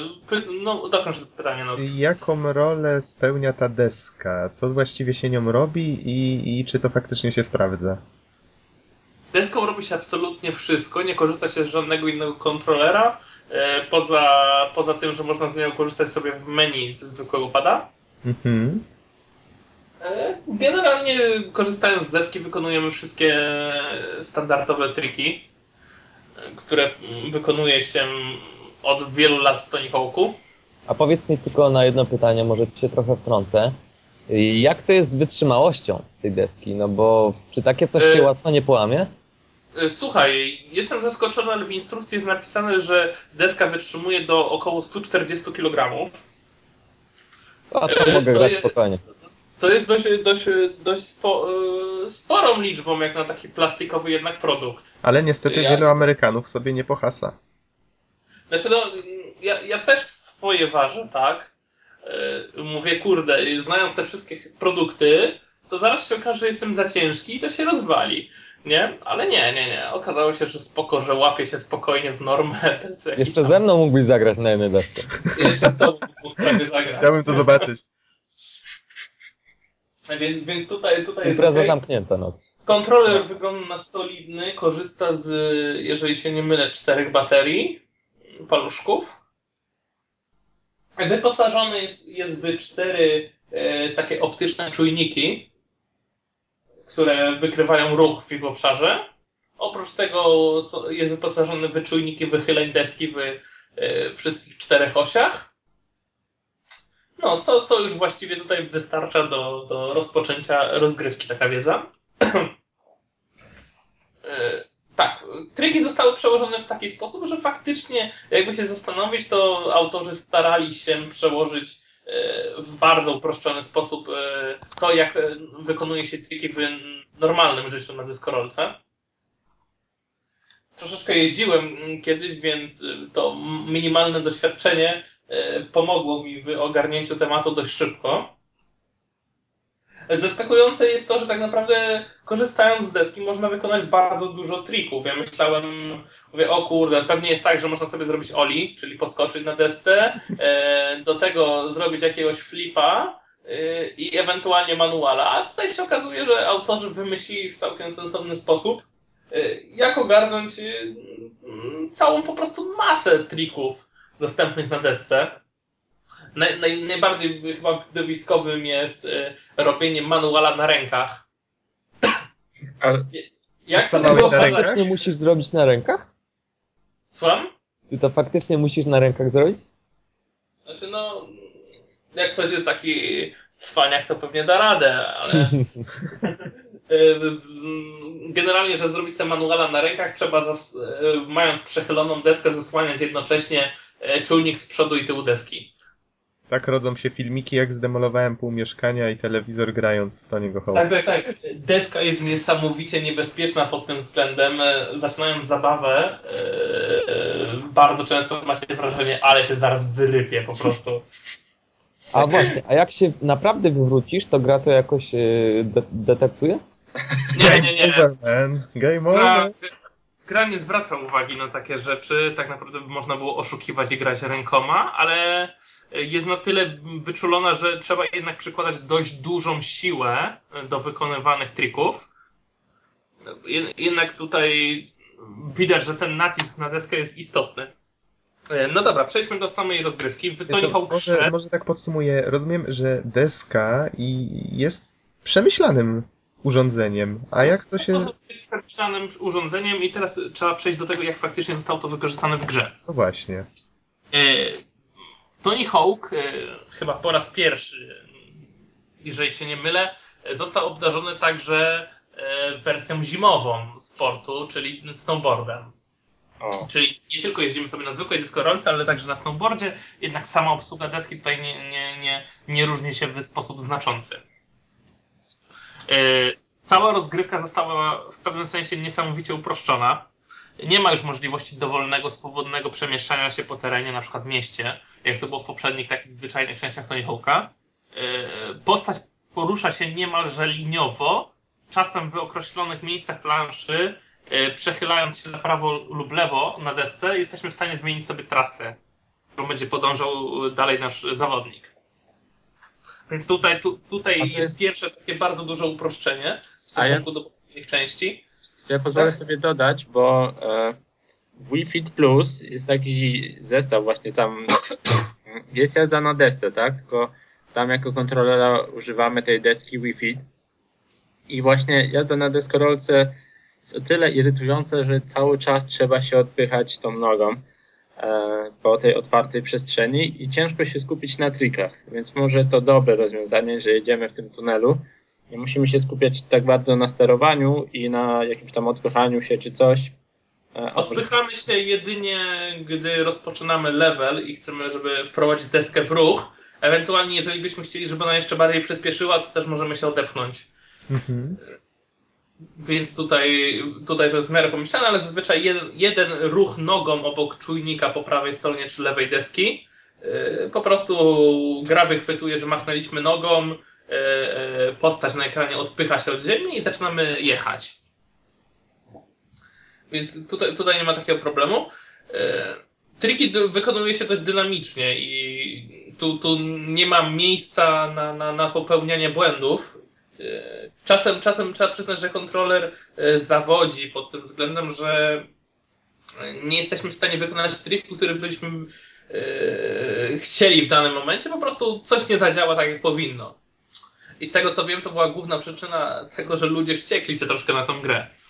No bo no, nie ma nic gorszego niż czasem niedziałający kontroler, prawda? No to jeżeli nie z twojej winy coś ci nie wychodzi, Tak, No, to tu prawda. zac- zaczynają się nerwy. Y, gra jest ogólnie niesamowicie uproszczona, zarówno wizualnie, widać, że stylistyka grafiki, y, tutaj mamy na myśli delikatnie kreskówkowy klimat połączony z, y, Boże, cel shadingiem. Mhm. Mm, Już nawet nie próbuję nawiązywać do normalnych części Tony Hawk'a. Y, No, na upartego powiem, że gra wygląda bardziej jak z PlayStation 2, typu wysokiej rozdzielczości. No nie, to tak jak mówię, no, dorzucili drugą grę do tego samego kontrolera, pewnie niekoniecznie zależało im, żeby ona była jakaś rewelacyjna. To jest Activision, tak? Tam liczą się finanse. Tak, zgadza się. To, to był Activision. Skoro już przy tym jesteśmy, tutaj powiem, co mi ciocia Wikipedia tutaj na ucho szepta. Mianowicie pierwsza część, o której wspomniałeś, to był Tony Hawk Ride, 2009 rok. Z kolei Shred wyszedł w październiku 2010. Yy, Na PlayStation 3, Wii i Xboxa 360. I tutaj wspominałeś o tym snowboardingu. W grze miał być też surfing, ale ostatecznie go tam nie dorzucono z braku czasu i funduszy. Mhm. E, Dobra, e, drugi zawód. I Dziękujemy, ciociu. Odcięcie się, dziękujemy, ciociu. E, I odcięcie się od standardowych Tony Hawków to rezygnacja z jakiegokolwiek trybu kampanii. Nie ma już historii, jest tylko zestaw występujących po sobie różnych, e, różnego typu challenge'y. I uwierzcie mi, innowacyjność w tych challenge'ach kończy się bardzo szybko. Albo musimy przejeżdżać trasę tak, żeby łapać jak najwięcej punktów, które wiszą gdzieś w powietrzu. To jest jeden rodzaj challenge'y. Drugi rodzaj challenge'y to jest zrobienie trików za na, jak największą ilość punktów.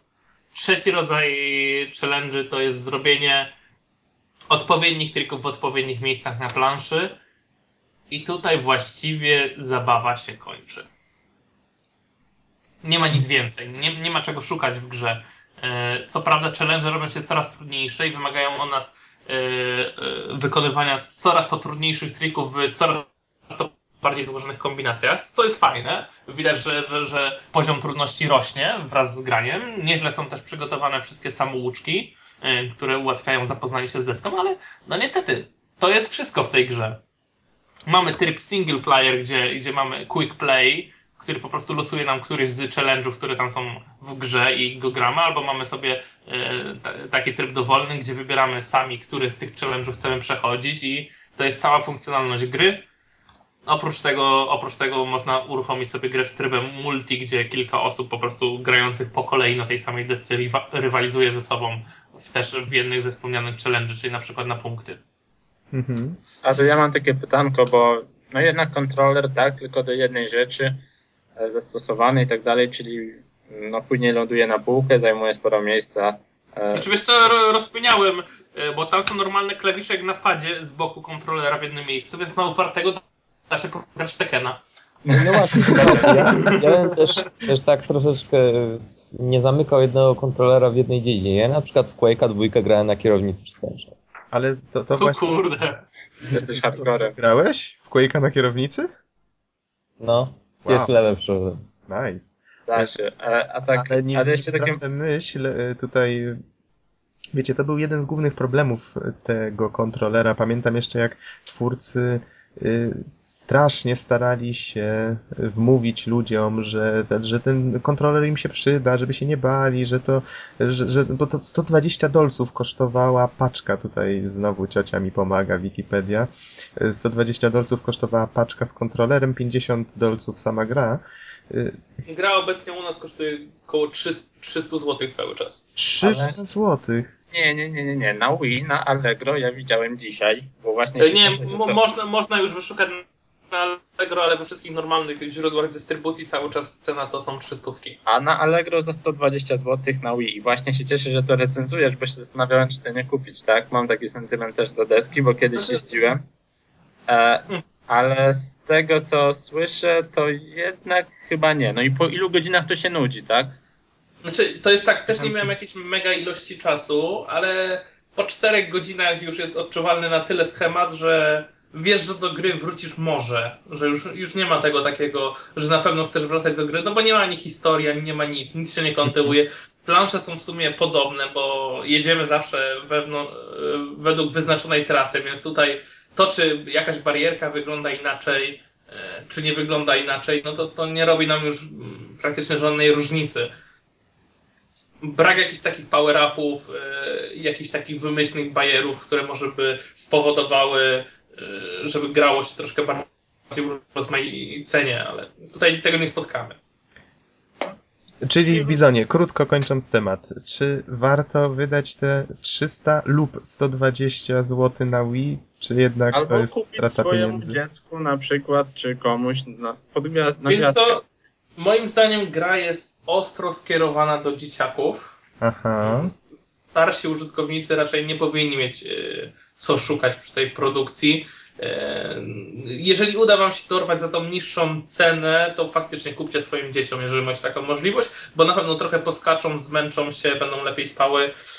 Ale jeżeli, jeżeli myśleliście o sobie i dlatego, że lubiliście poprzednie części Tony Hawk'a, to nie, znali, nie znajdziecie po prostu w tej części tego, co lubiliście do tej pory. to wróćcie do dwójki, na pewno będzie ciekawiej. Na pewno. Dwójka była świetna. To prawda.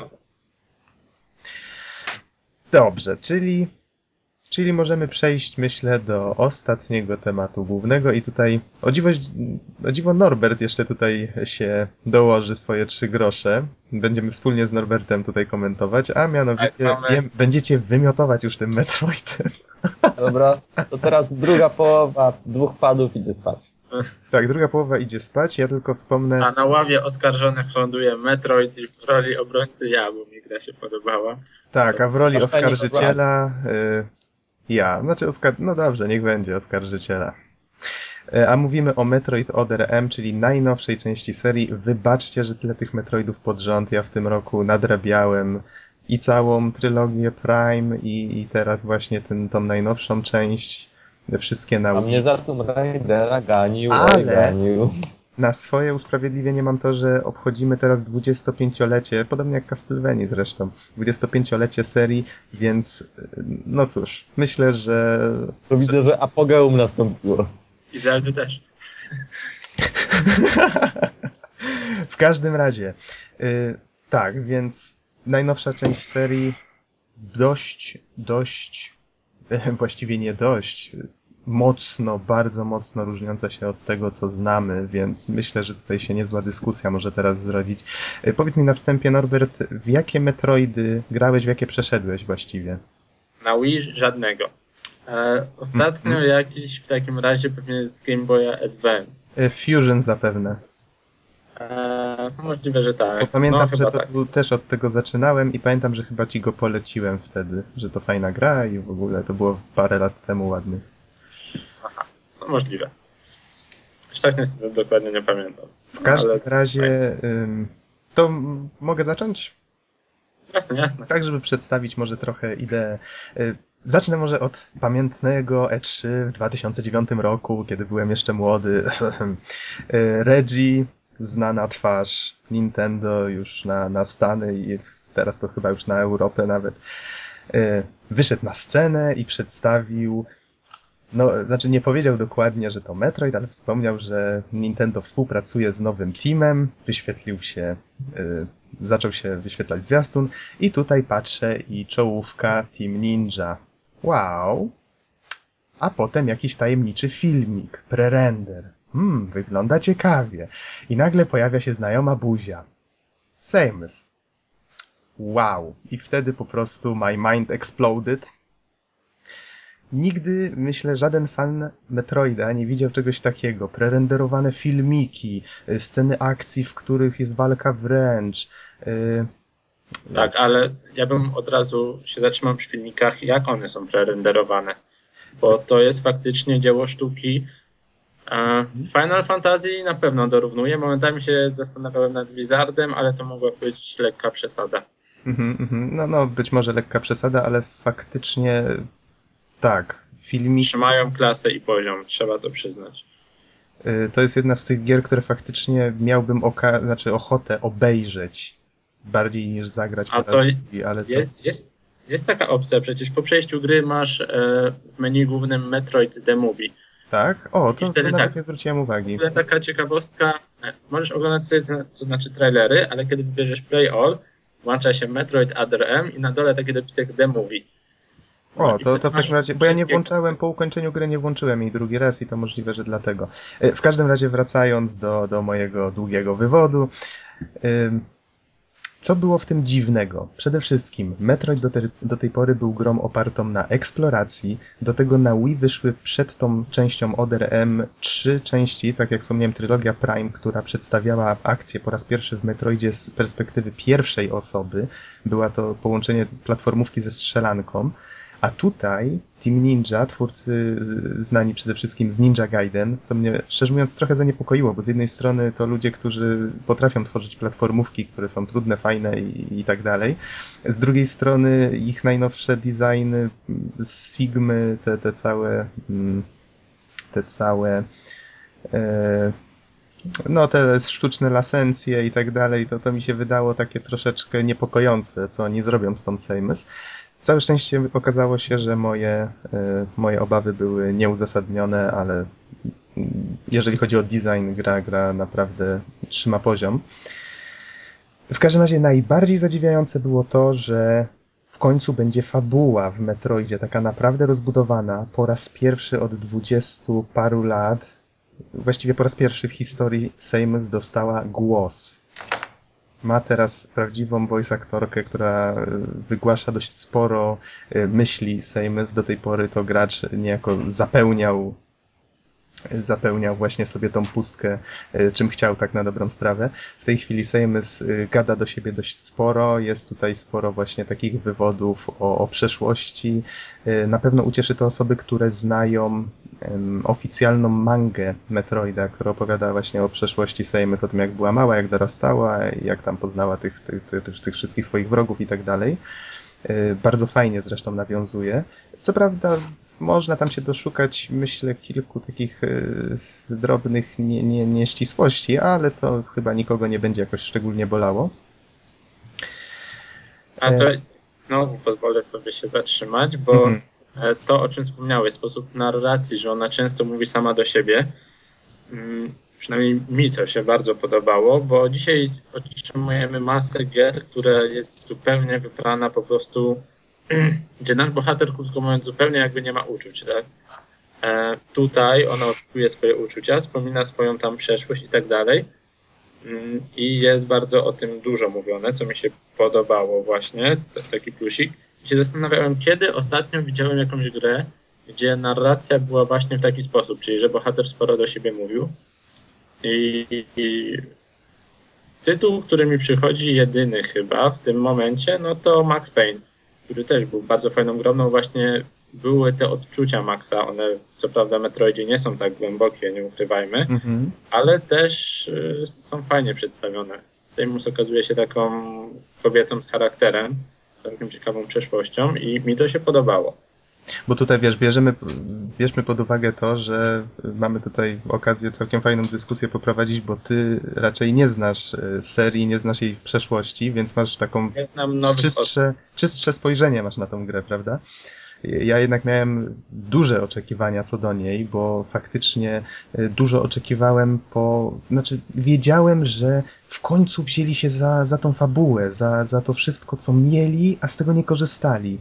E, Bo do tej pory Metroid miał fabułę, ale ona jednak e, ustępowała gameplayowi. To eksploracja, gameplay to, to było najważniejsze w tej serii. W każdym razie może będę leciał po plusach, bo tutaj sobie plusy, minusy wynotowałem. Filmiki wymieniliśmy już na samym wstępie. Ta gra jest oparta na y, oglądaniu tego, co twórcy przygotowali i przygotowali to naprawdę świetnie. To jest jak film. Y, Nawiązania do mangi wspomniałem, czyli faktycznie ta, ta, to, co było do tej pory przedstawiane poza grą, jako dodatkowe medium, y, teraz faktycznie pojawia się jako część historii. Zwroty akcji, czyli to, jak jest prowadzona fabuła. To może najpierw wspomnijmy, o co właściwie chodzi. Mamy tutaj y, stację kosmiczną, olbrzymią. Y, Sejm zostaje wezwana tam, y, odbiera sygnał alarmowy.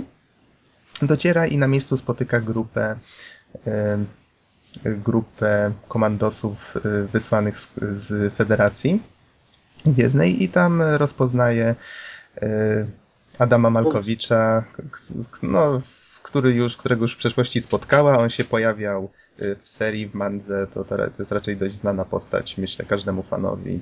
I. Antoniego jeszcze znała druga postać. Y, To jest zabawny fakt. Jest tam, na samym początku gry jest taki właśnie filmik, w którym jeden z tych, y, z tych, no Marines ich nazywajmy, y, zdejmuje hełm, pojawia się właśnie y, taki murzyn uśmiechnięty i mówi, czy mnie rozpoznajesz? I teoretycznie to jest to, to tak, żeby gracz stwierdził, o to ona go zna, to on ją zna, ona go zna, to to fajnie, to, to okej. Ale wszyscy fani, jak tylko zobaczyli to na zwiastunie, to zrobili takie wielkie what the fuck? Bo ta postać nigdy się wcześniej nie pojawiała, więc i wiecie, jeszcze z tym uśmiechem, Ale- więc to, to zrodziło strasznie dużo żartów. To taki, taki zabawny Ale chwilę później. Ale ja nie rozumiem czemu, wiesz, ja tutaj mówię, mam to spojrzenie, że nie jestem takim ortodoksyjnym fanem, tak? Mhm. E, tylko chwilkę później po prostu Seymour wyjaśnia właśnie w tych swoich myślach, tak, e, to jest Antoni, tak, e, znam go, coś tam, coś i jest to wyjaśnione, nawet jeżeli wcześniej. Tak, to tak, potem zgadza się, tylko, ty- tylko jak ktoś zobaczy, wklej, wkleję go zresztą pod podcastem, pod yy, zwiastun, który właśnie pokazali wtedy w 2009 roku, pokazali tylko tą scenkę. W zasadzie, czy mnie poznajesz? Wiesz, taki uśmiechnięty cały i, i no, ta scena wyrwana z kontekstu faktycznie fanów, myślę, i, i trochę zdziwiła i, za, i rozśmieszyła. No ale to, Ale tak, to nie jest minus gry. nie, nie, to nie jest minus gry, ja to tylko jako taki zabawny fakt wspominam, oczywiście. E, dobrze, to może trochę w takim razie o... I, i, i tak, co się dalej dzieje? Grafika.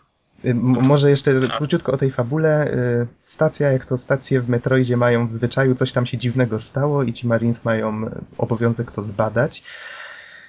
I w związku z tym, że Adam Malkowicz z Seymus raczej za bardzo mm, nie pałają do siebie wielką przyjaźnią, choć nie będę tutaj relacji między nimi dokładnie tłumaczył.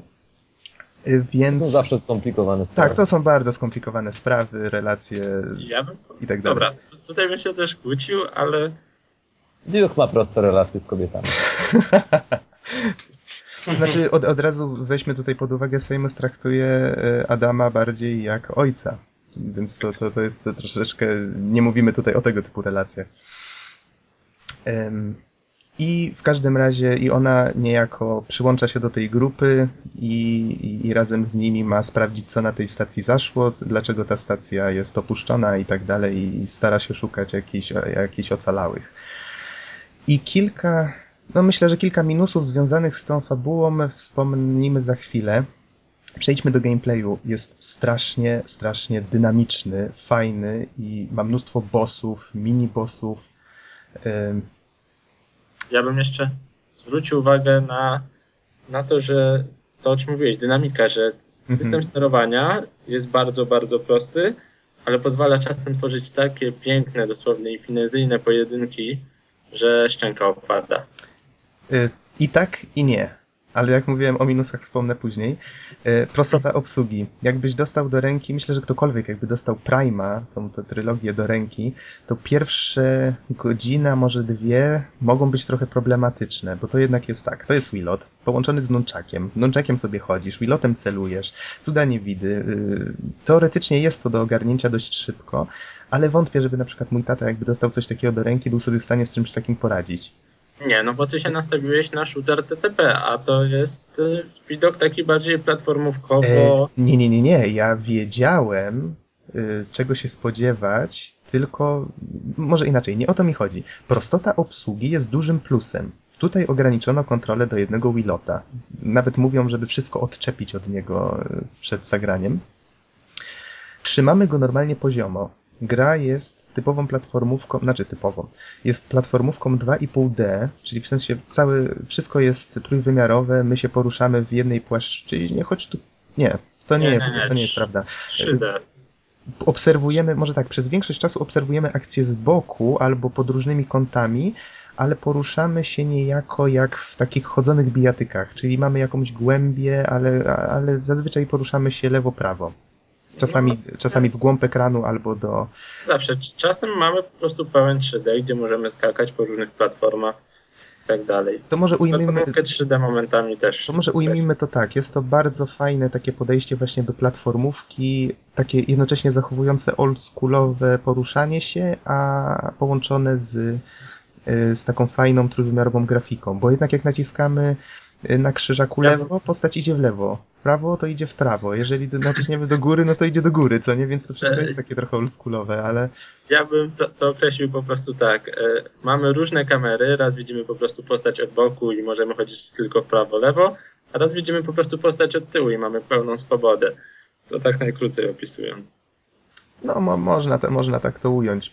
Y, Trzeba pamiętać o jednym, że tutaj kamera, zwrot, tam w co, to, w co patrzy kamera, jest wyznacznikiem dla, y, punktem odniesienia dla strzałek. Więc jeżeli widzimy, że coś jest przed nami, w sensie patrzymy w telewizor, widzimy, że coś jest przed nami, wiemy, że jak nacisnemy do góry, to postać pójdzie właśnie w tamtym kierunku. Więc to, to jest dość tak. intuicyjna rzecz. Dodali tutaj takie, taki smaczek, bym to nazwał bardziej, z Prima, mianowicie jak wycelujemy Wilotem w telewizor, zmienia się nam widok na FPP. I możemy wtedy celować w te różne stworki właśnie na ekranie. Problem jest jeden, i tutaj może to, do tego jednego minusa przejdę już teraz. Ta prostota obsługi rodzi strasznie dużo e, zbyt dużych uproszczeń. Nazwijmy to tak. Myślałem, że skomplikowanych zagadnień. Nie, właśnie nie, bo to jest, to, to tak jak Norbert wspomniał, to rodzi jednocześnie strasznie dużo fajnych akcji, bo przeciwnicy sobie latają. Jeżeli wystarczy, my nie celujemy, tak na dobrą sprawę, jak się poruszamy. Wystarczy, że postać odwrócimy w stronę przeciwnika i nieważne, czy on jest nad nami, czy pod nami, znaczy w sensie, wiecie, pod pewnym kątem, Sejm sama wyceluje, sama go pokona w pewnym sensie. My wystarczy, że spamujemy przycisk ataku. Do tego mamy możliwość robienia uników, szybko naciskając dwa razy strzałkę, co już rodzi c- czasem takie mm, sytuacje, że na przykład przypadkiem robimy unik albo coś w tym rodzaju, więc tak troszeczkę pewne Ale rzeczy to- robią się same. A nie zauważyłeś, że te uniki na początku robiłeś sam, a później, kiedy już opanowałeś, to wszystko było kontrolowane? To znaczy, No, ja na początku faktycznie spamowałem tą strzałkę do uniku, ale po pewnym czasie już po prostu wyczuwałem to, no i wszystko było po prostu pod moją kontrolą, tak, że unik kiedy potrzeba i strzał ten mocniejszy dzięki temu można otrzymać mhm. i tak dalej, i tak No dalej. być może, bo to, to jednak. y, Ale z drugiej strony sprawiało to, że czasami naciskałem. Wiedziałem, że zaraz przeciwnik zaatakuje i naciskałem tą strzałkę. Jak głupi. Ciach, ciach, ciach, ciach, ciach. Postać oczywiście tam reaguje jakąś padaczką na ekranie, a poza, a wiecie, a przeciwnik y, tam zwleka z tym swoim atakiem i wygląda to troszeczkę dziwnie, no ale to już pomijam ten fakt. Y, Inna sprawa, jeżeli ktoś grał w stare Metroidy w wersji 2D, y, zwykłe platformówki, tam strzałki służyły przede wszystkim do celowania. Czy góra, dół, czyli to my musieliśmy wcelować w przeciwnika. Tutaj Simus robi to wszystko za nas. Z kolei jak przełączymy w tryb FPP, to człowiek automatycznie jak grał w Prima, coś mu się rusza w głowie, że, że o, o, o, to w takim razie będę mógł się poruszać. Ale tu nie można się poruszać, bo nie ma gałki, nie ma nunczaka. Siedzimy Tak. w miejscu i nawet musimy trzymać przycisk B, żeby móc się rozglądać po, y, po okolicy. Tak, to tutaj się zgodzę, że jest to minus. Faktycznie ten tryb taki celowania i rozglądania się e, ma się wrażenie trochę upośledzonego. Mm, W walce z drugiej strony to jakby wymusza to, że w tym trybie nie możemy zrobić uniku żadnego i jeżeli chcemy wykorzystać jakiś specjalny atak, to musimy wyczuć moment, w którym wróg akurat nie zaatakuje albo jest tuż po Y, To jest zrobione tak fajnie, że akcja troszeczkę zwalnia. To, to trzeba przyznać, że świetnie zrobili, że akcja troszeczkę zwalnia. Jeżeli wtedy szybko zrobimy y, ruch z powrotem po, poziomo, wilotem, to wtedy postać sama zrobi unik. No tak, ale to było właśnie przemyślane, no bo dodali to zwolnienie i to wymusza taką specyficzną taktykę, że trzeba odskoczyć na bok i dopiero wymierzyć i, i tak dalej. Ale to, to jest faktycznie niewygodne, z tym się zgodzę. Niestety trochę tym wilotem się namachacie. Y, Znaczy niewygodne. W pewnym momencie zacząłem, powiem tak kolokwialnie, ja, jarzyć. Zacząłem to- jarzyć, jak to obsługiwać. Co nie zmienia faktu, że jeżeli ktoś grał w stare Metroidy, to dla niego będzie zbyt uproszczone właśnie to strzelanie z, tego zwykłego trybu. Jeżeli grał w Primy, to poczuje, że coś jest nie tak z tym trybem FPP, więc teoretycznie i tak niedobrze, i tak niedobrze. T- Tak jak mówię, to jest prostota obsługi, ale jednocześnie związana z wieloma uproszczeniami, które hardkorowym fanom nie muszą się spodobać. Ym, ale tutaj muszę przyznać plus, i to nie tylko ja zauważyłem, mój brat na przykład jak patrzył na to, co się działo na ekranie, to stwierdził, że, że to w, tak w końcu powinien wyglądać Metroid. I wiecie co, no miał, miał trochę racji, bo czy to jest idealna forma dla Metroida, to na to pytanie tutaj nie odpowiem, ale trzeba przyznać, że ta forma, którą wybrano, ta grafika i, i te, te ułożenia kamery, to wszystko idealnie pasuje do takiego oldschoolowego Metroida w XXI wieku zrobionego. Faktycznie to oddaje ducha tej serii takiego starego, przedprimowego, że tak to ujmę. Więc to akurat z tymi wszystkimi efektami, jak już tam mamy te ulepszone, te, te plazmy, inne tego typu rzeczy, wiecie, te efekty cząsteczkowe, to wszystko, co się pojawia na ekranie, to, to, to faktycznie robi duże wrażenie. No ja, ja powiem wam, że byłem zdziwiony, jak patrzyłem na grafikę, to tak, ej, to jest Wii, na pewno. Rozdzielczość owszem jest niska, ale grafika jest naprawdę piękna i co najważniejsze, praktycznie nie zobaczycie napisu loading. Mi się zdarzyło przez 10 godzin powiedzmy, jakie zajęło mi przejście, zobaczyć napis loading może ze 4 razy i to przez sekundkę. O, to dziękuję, że mi o tym przypomniałeś, bo nie dopisałem tego faktycznie. Gra jest Zapomniałem o tym wspomnieć yy, przy trójce Prime Corruption. Tam bardzo często się zdarzało, że. Bo tam właściwie drzwi, w całej trylogii drzwi y, służyły za taki element ładowania. Stoisz przy drzwiach i jeżeli płyta nie zdążyła czegoś doczytać, te drzwi po prostu parę sekund są zamknięte. I o ile w pierwszych dwóch częściach z GameCube'a nie było tego tak mocno widać, bo to jednak nie było dużo kontentu do, do ładowania, o tyle w trójce zdarzało mi się po parę sekund czekać czasami przed takimi drzwiami. Tutaj ani razu faktycznie, no może raz, dwa, raz czy dwa się zdarzyło, że faktycznie pojawił się na moment jakiś taki napis loading, ale zazwyczaj faktycznie wszystko działało błyskawicznie. To, to tutaj dobrze, żeś zwrócił na to uwagę. Tutaj się należą pokłony. po prostu, nie wiem, to jest chyba zrobione tak, że następny pokój jest już doczytany, a następny się doczytuje, kiedy jesteście akurat w pokoju obok. Nie wiem, w każdym razie bardzo, bardzo dobrze zoptymalizowana gra pod tym względem. Nie zobaczycie napisu loading. Tutaj kolejne rzeczy na, y, na mojej liście to filmowa muzyka i widowiskowa i bardzo filmowa akcja. Czyli ogólnie rzecz biorąc całość jest bardzo filmowa. Jeżeli słyszeliście muzykę z Prime'ów, która jest taka dość, dość oldschoolowa, trochę elektroniczna, taka dość dziwaczna i charakterystyczna, o tyle tutaj już y, naprawdę to jest takie przejście zu, zupełnie w inny świat muzyki. Nawet mój tata przyznał, że, że jest taka bardzo. Znaczy przede wszystkim z napisów końcowych, bo tam już nie ma tych wszystkich efektów specjalnych, że ona jest taka bardzo, bardzo filmowa i klimatyczna. W trakcie akcji faktycznie trochę słabo się wybija ta muzyka. W pewnym momencie nawet żałowałem, że nie ściszyłem trochę efektów, żeby było ją lepiej słychać. I jeszcze tutaj e, Walka. walka.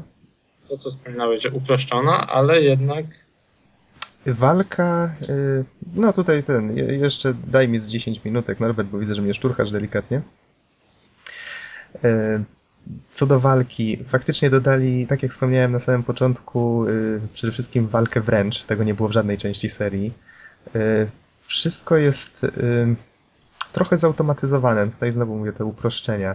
Zrobili to na tej zasadzie, że gdy strzelamy do przeciwników, możemy oczywiście ładować blastery, osłabiać ich trochę, tam potem zamrażać i tak dalej, i tak dalej. Jeżeli w pewnych momentach dobrze wyczutych y, przez nas możemy skoczyć przeciwnikowi na głowę dosłownie i na przykład go powala, znaczy bohaterka wykonuje coś w rodzaju takiego finishera, powala go na przykład na ziemię i tym blasterem mu strzela w pysk albo coś w tym rodzaju. Więc to wygląda bardzo efektownie. No, pewnie się ze mną zgodzisz, bo to tak, faktycznie No tak, finezyjne nie ma co dyskutować. Problem jest jeden, tutaj oczywiście muszę wtrącić coś od siebie. Często mi się zdarzało, że ten moment w ogóle nie następował, czyli próbowałem skoczyć na głowę i tak skakałem jak głupi nad tym przeciwnikiem i ta sekwencja się nie włączała.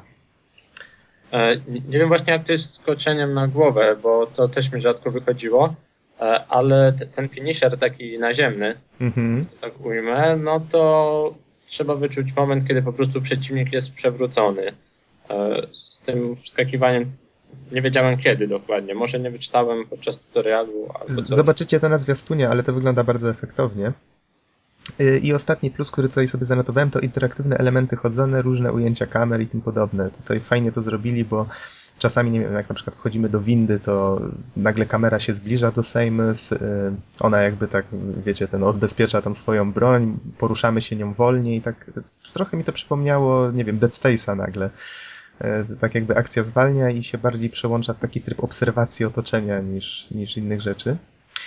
I może przejdźmy do minusów, skoro już mówię o obserwacji otoczenia. Gra ma takie elementy, takie sceny, w których musimy coś zobaczyć na ekranie. Włącza się tryb FPP i nie możemy go wyłączyć, dopóki czegoś nie zobaczymy. I to jest Takie, to jest takie intro do cutscenki zazwyczaj, albo do jakiegoś przerywnika fabularnego. trochę Nie tak, nazwałbym tego minusem, no ale okej, no. ale osobiście spotkałem się z dwa razy z czymś takim, że nie mogłem w ogóle znaleźć tego, o co twórcom chodziło. Ja wiem, z jednej strony ta gra jest prosta, w przeciwieństwie do innych części serii w ogóle jest banalnie prosta, bym wręcz powiedział. Y, I aż mnie zdziwiło, że w takich momentach chociaż troszeczkę nie podpowiedzą, o co im chodzi. Bez przerwy tylko latasz tym kursorem po ekranie i co autor miał na myśli. I, i nie ma czegoś takiego, że, Boże, że zupełnie jakbyś maturę robił z polskiego. no właśnie, nie ma czegoś takiego, że powiedzmy kursor, nie wiem, jakoś zaczyna szybciej pulsować, czy coś w, mom- w miejscach, o które chodziło. Tam przez 10 minut szukałem jakiegoś stworka, który siedział pod ścianą i go nie zauważyłem, co nie? Teraz to wiesz, jak to jest wpasować się w kurz. Wiesz, naj- najgorsze jest to, że Ale- musisz przytrzymać sekundę ten kursor na tym stworku i dopiero wtedy zaskoczy i się włącza cutscenka. Ale osobiście warto to- zaznaczyć, że takich momentów w całej grze są ze cztery, nie więcej chyba. No jest ich kilka, niektóre są lepiej zrobione, niektóre gorzej, ale mimo wszystko myślę, że one są zrobione źle i że one spowalniają akcję. To jest y, Ale, raczej słabe. ale są tylko cztery takie momenty, może pięć, góra sześć. Naprawdę ciężko to mi uznać za duży minus. Okej, dalej. Tak, no to o niedoskonałościach mechaniki i licznych uproszczeniach tu już mówiłem. Y, eksploracja kuleje i liniowość. Myślę, że te dwie rzeczy można połączyć. Praktycznie w tej grze czegoś takiego nie ma. Jeżeli napotkamy jakieś umiejętności, czyli tak jak żeśmy zazwyczaj w Metroidach szukali y, różnych znajdziek, których żeśmy nie znaleźli i tak dalej, y, tutaj jeżeli coś znajdziemy po drodze, to fajnie, ale tak na dobrą sprawę tą grę jednak y, do przodu pcha fabuła, a nie gameplay. Czyli- E, tutaj Etapy też są- pozwolę.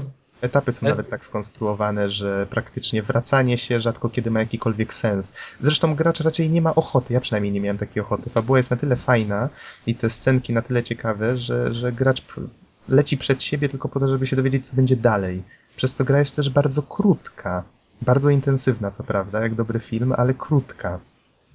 Bo dajże to- to- 8 godzin mi zajęła no. gdzieś.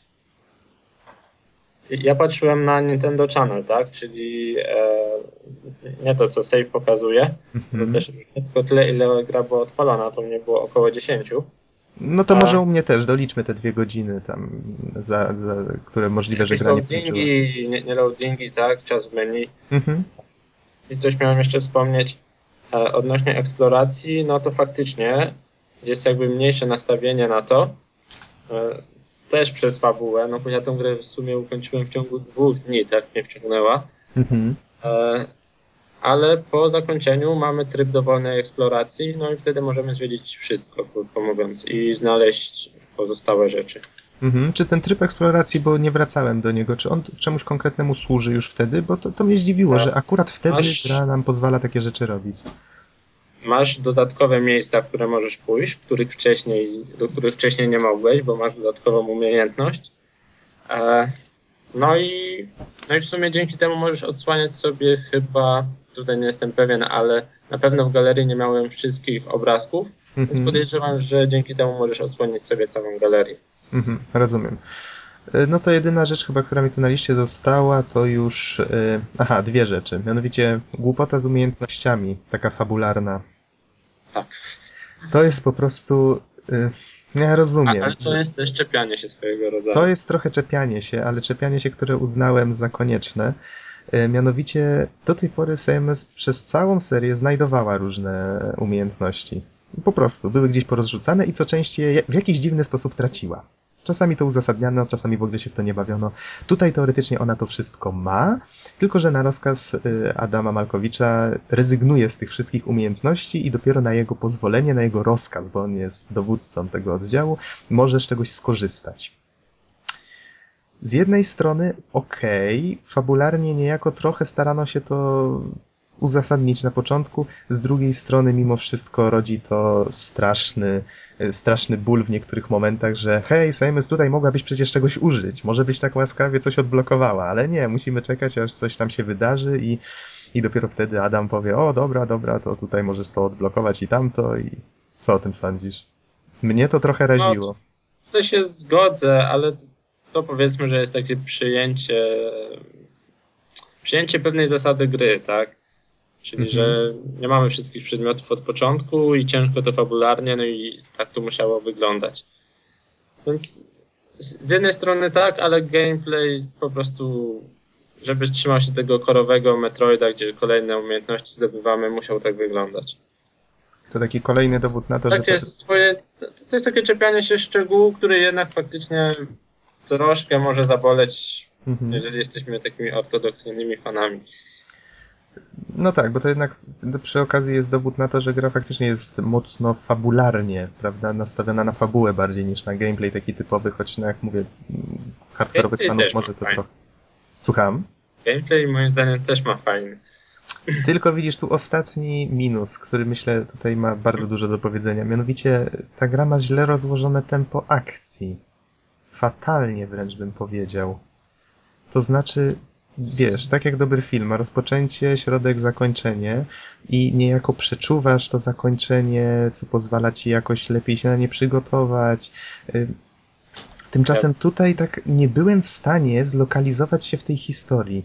Tempo akcji jest bez przerwy utrzymywane na bardzo wysokim poziomie, bez przerwy się coś dzieje. Praktycznie żadna walka z żadnym bossem nie wybijała się na tle pozostałych, być może poza jedną lub dwoma.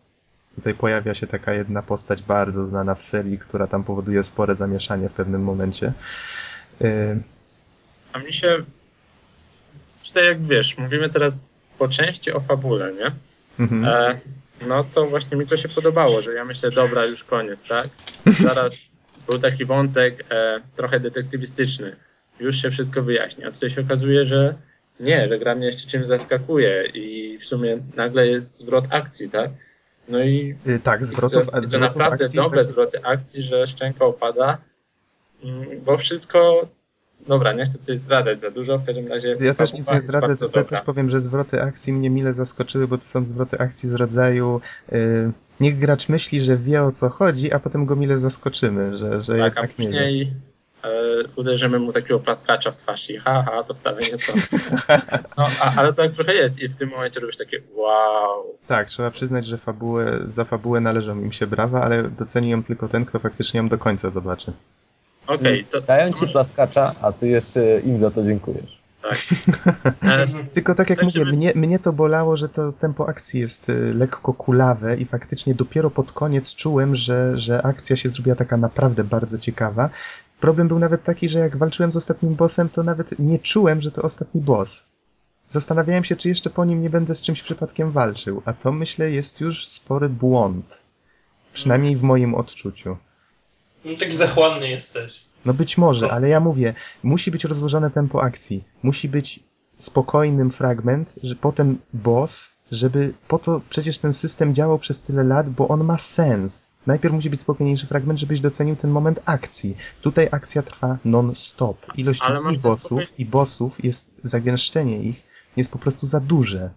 Ale to, ten spokój, o którym mówisz, masz właśnie kiedy sobie biegasz po tych normalnych etapach i masz wię, więcej nacisku na skakanie i tak dalej. No być może, ale, ale to mówię, mnie to trochę tak wybiło z rytmu. Może Niemniej nie zmienia... bardziej takich tradycyjnych metroidowych, gdzie te odstępy powiedzmy między bossami potrafiły sięgać faktycznie tam kilku godzin. Czyli tak zwane zapełniacze, tak? No, no No być tak, może, być może. Tutaj czegoś takiego nie ma. Pobiegacie owszem, ale później znowu macie akcję, więc raczej się nie znudzicie. To może podsumowując już, powiedz Norbert, czy warto sięgnąć po tę grę jako swojego pierwszego Metroida? Tak, zdecydowanie. To nie był mój pierwszy Metroid, No, no, e, no ale tak, pierwszy ale- Metroid na Wii. E, I powiem wam, że bardzo miło się zaskoczyłem. E, tak, genialne cutscenki, jeszcze raz. Fabuła, sama postać Seimus. Tak, fabuła to może jeszcze wrócę, fajne bardzo zwroty akcji ogólnie bardzo ciekawa. Sama postać Seimus okazała się bardzo głęboka. Mm, I w sumie nie tylko, nie tylko Seimus, o, o zachowaniach jeszcze innych postaci, tego co tam się działo, myślałem jeszcze później, wiecie, następnego dnia, tak, czyli nie gra, którą skończycie i zapomnicie, tylko w sumie skłania do pewnych takich rozmyślań, przynajmniej mnie. Mm, To ja może tutaj dodam od siebie, że też, też tak miałem, że faktycznie miałem wrażenie, że z jednej strony, że, że, że nie jestem w pełni usatysfakcjonowany, że jednak trochę to zbyt mocno odbiega gameplayowo od tego, co znam i być może dlatego mnie to boli, ale faktycznie nie byłem w stanie przestać myśleć o, o, o tej fabule i faktycznie mile mnie to zaskoczyło. I po skończeniu gry też myślałeś na przykład o pewnych decyzjach, które tam zostały podjęte, no bo Tak, tak, zdecydowanie. No właśnie, wi- więc myślicie jeszcze o fabule po skończeniu gry, co jest bardzo dobrym tym, bo wiecie, bo to już są rozważania filozoficzne. Jeżeli do czegoś takiego was gra skłania, e, no to naprawdę rzadko kiedy zdarza się jakaś produkcja, która coś takiego robi. Ja sobie Mhm. naprawdę mówię, że ciężko przypomnieć sobie coś takiego. Ja myślę, że jeśli już wkraczamy na grunt y, rozważań filozoficznych, to już pierwszy znak do tego, że powinniśmy powoli kończyć. Tak, E, też, nie, ale, też mi ale się na- tak wydaje. ta gra pod tym względem jest Dziękuję, że to powiedziałeś. E, wie- Więc tak, e, fajna, bardzo fajna grafika, szczególnie jak na Wii, tak, no, na innych konsolach was nie powali. E, muzyka, sterowanie, tutaj właśnie jest ten pewien mankament, trzeba przyznać. Tutaj mm, niestety nie jest to plus. No i na koniec mamy ten tryb Movie, gdzie możemy jeszcze, przynajmniej ja jeszcze raz usiadłem, obejrzałem sobie całą fabułę i znacznie lepiej ją wtedy zrozumiałem przy okazji. Mogłem się skupić na innych, na innych elementach. Okej, Mhm. tyle ode mnie. No, E, grę się. jak najbardziej to, to może polecam. od siebie tylko może dodam, że to nie jest, y, jeżeli jesteście hardkorowymi fanami, to nastawcie się po prostu na obejrzenie fajnego filmu y, z Samus w roli głównej. Takiego interaktywnego. Czyli to nie, Ale nie będzie takie typowe to, co znacie, ale na pewno nie będziecie rozczarowani, jeżeli y, nie nastawicie się na taką typową eksplorację, jaką znacie i kochacie. Czyli mimo wszystko to potrafi być y, Krótko mówiąc, jest to bardzo dobra gra, ale może nie usatysfakcjonować fanów Metroida, tak? Może inaczej, nie usatysfakcjonować ich gameplayowo, bo myślę, że historię powinni raczej docenić. I to, ile ta gra wkłada w uniwersum. Okej. Koniec imprezy. Koniec na Tak, dzisiaj. koniec. Troszkę was zanudziliśmy długim gadaniem o Metroidzie, za co Ale cieszę się, że miałem z kim gadać. nie, bo ta gra naprawdę, powiem wam, że dawno nie miałem takiej gry i później miałem takiej swojego rodzaju depresję, że dzisiaj takich gier się już nie robi i nawet szkoda, że ta warstwa fabularna, ta warstwa psychiki bohatera jest często tak zaniedbywana. No, wiecie, ja już, ja- jak wam mówiłem z Lords of Shadow w przypadku Castlevanii, ja nie mam nic przeciwko nowym, nowym wizjom, bo przecież po to dali tem, temu zespołowi tą serię, żeby faktycznie zrobili coś nowego, prawda, po tych kilku latach tworzenia tamtej poprzedniej trylogii. Więc ja osobiście twierdzę, że Team Ninja wyszło z tego obronną ręką, choć nie do końca. Ja mam dla nich kredyt zaufania. Chciałbym, żeby zrobili następną część i z chęcią zobaczę, co to będzie. O, ja to bym już biegł do sklepu w tym momencie. E, a hype mi się rzadko zdarza. Dobrze, kończymy chyba na dzisiaj. Tak, zgadza się. E, W takim razie dziękujemy Wam bardzo za słuchanie i do następnego podcastu. Trzymajcie się. Do usłyszenia. Na razie. Trzymajcie się, hej.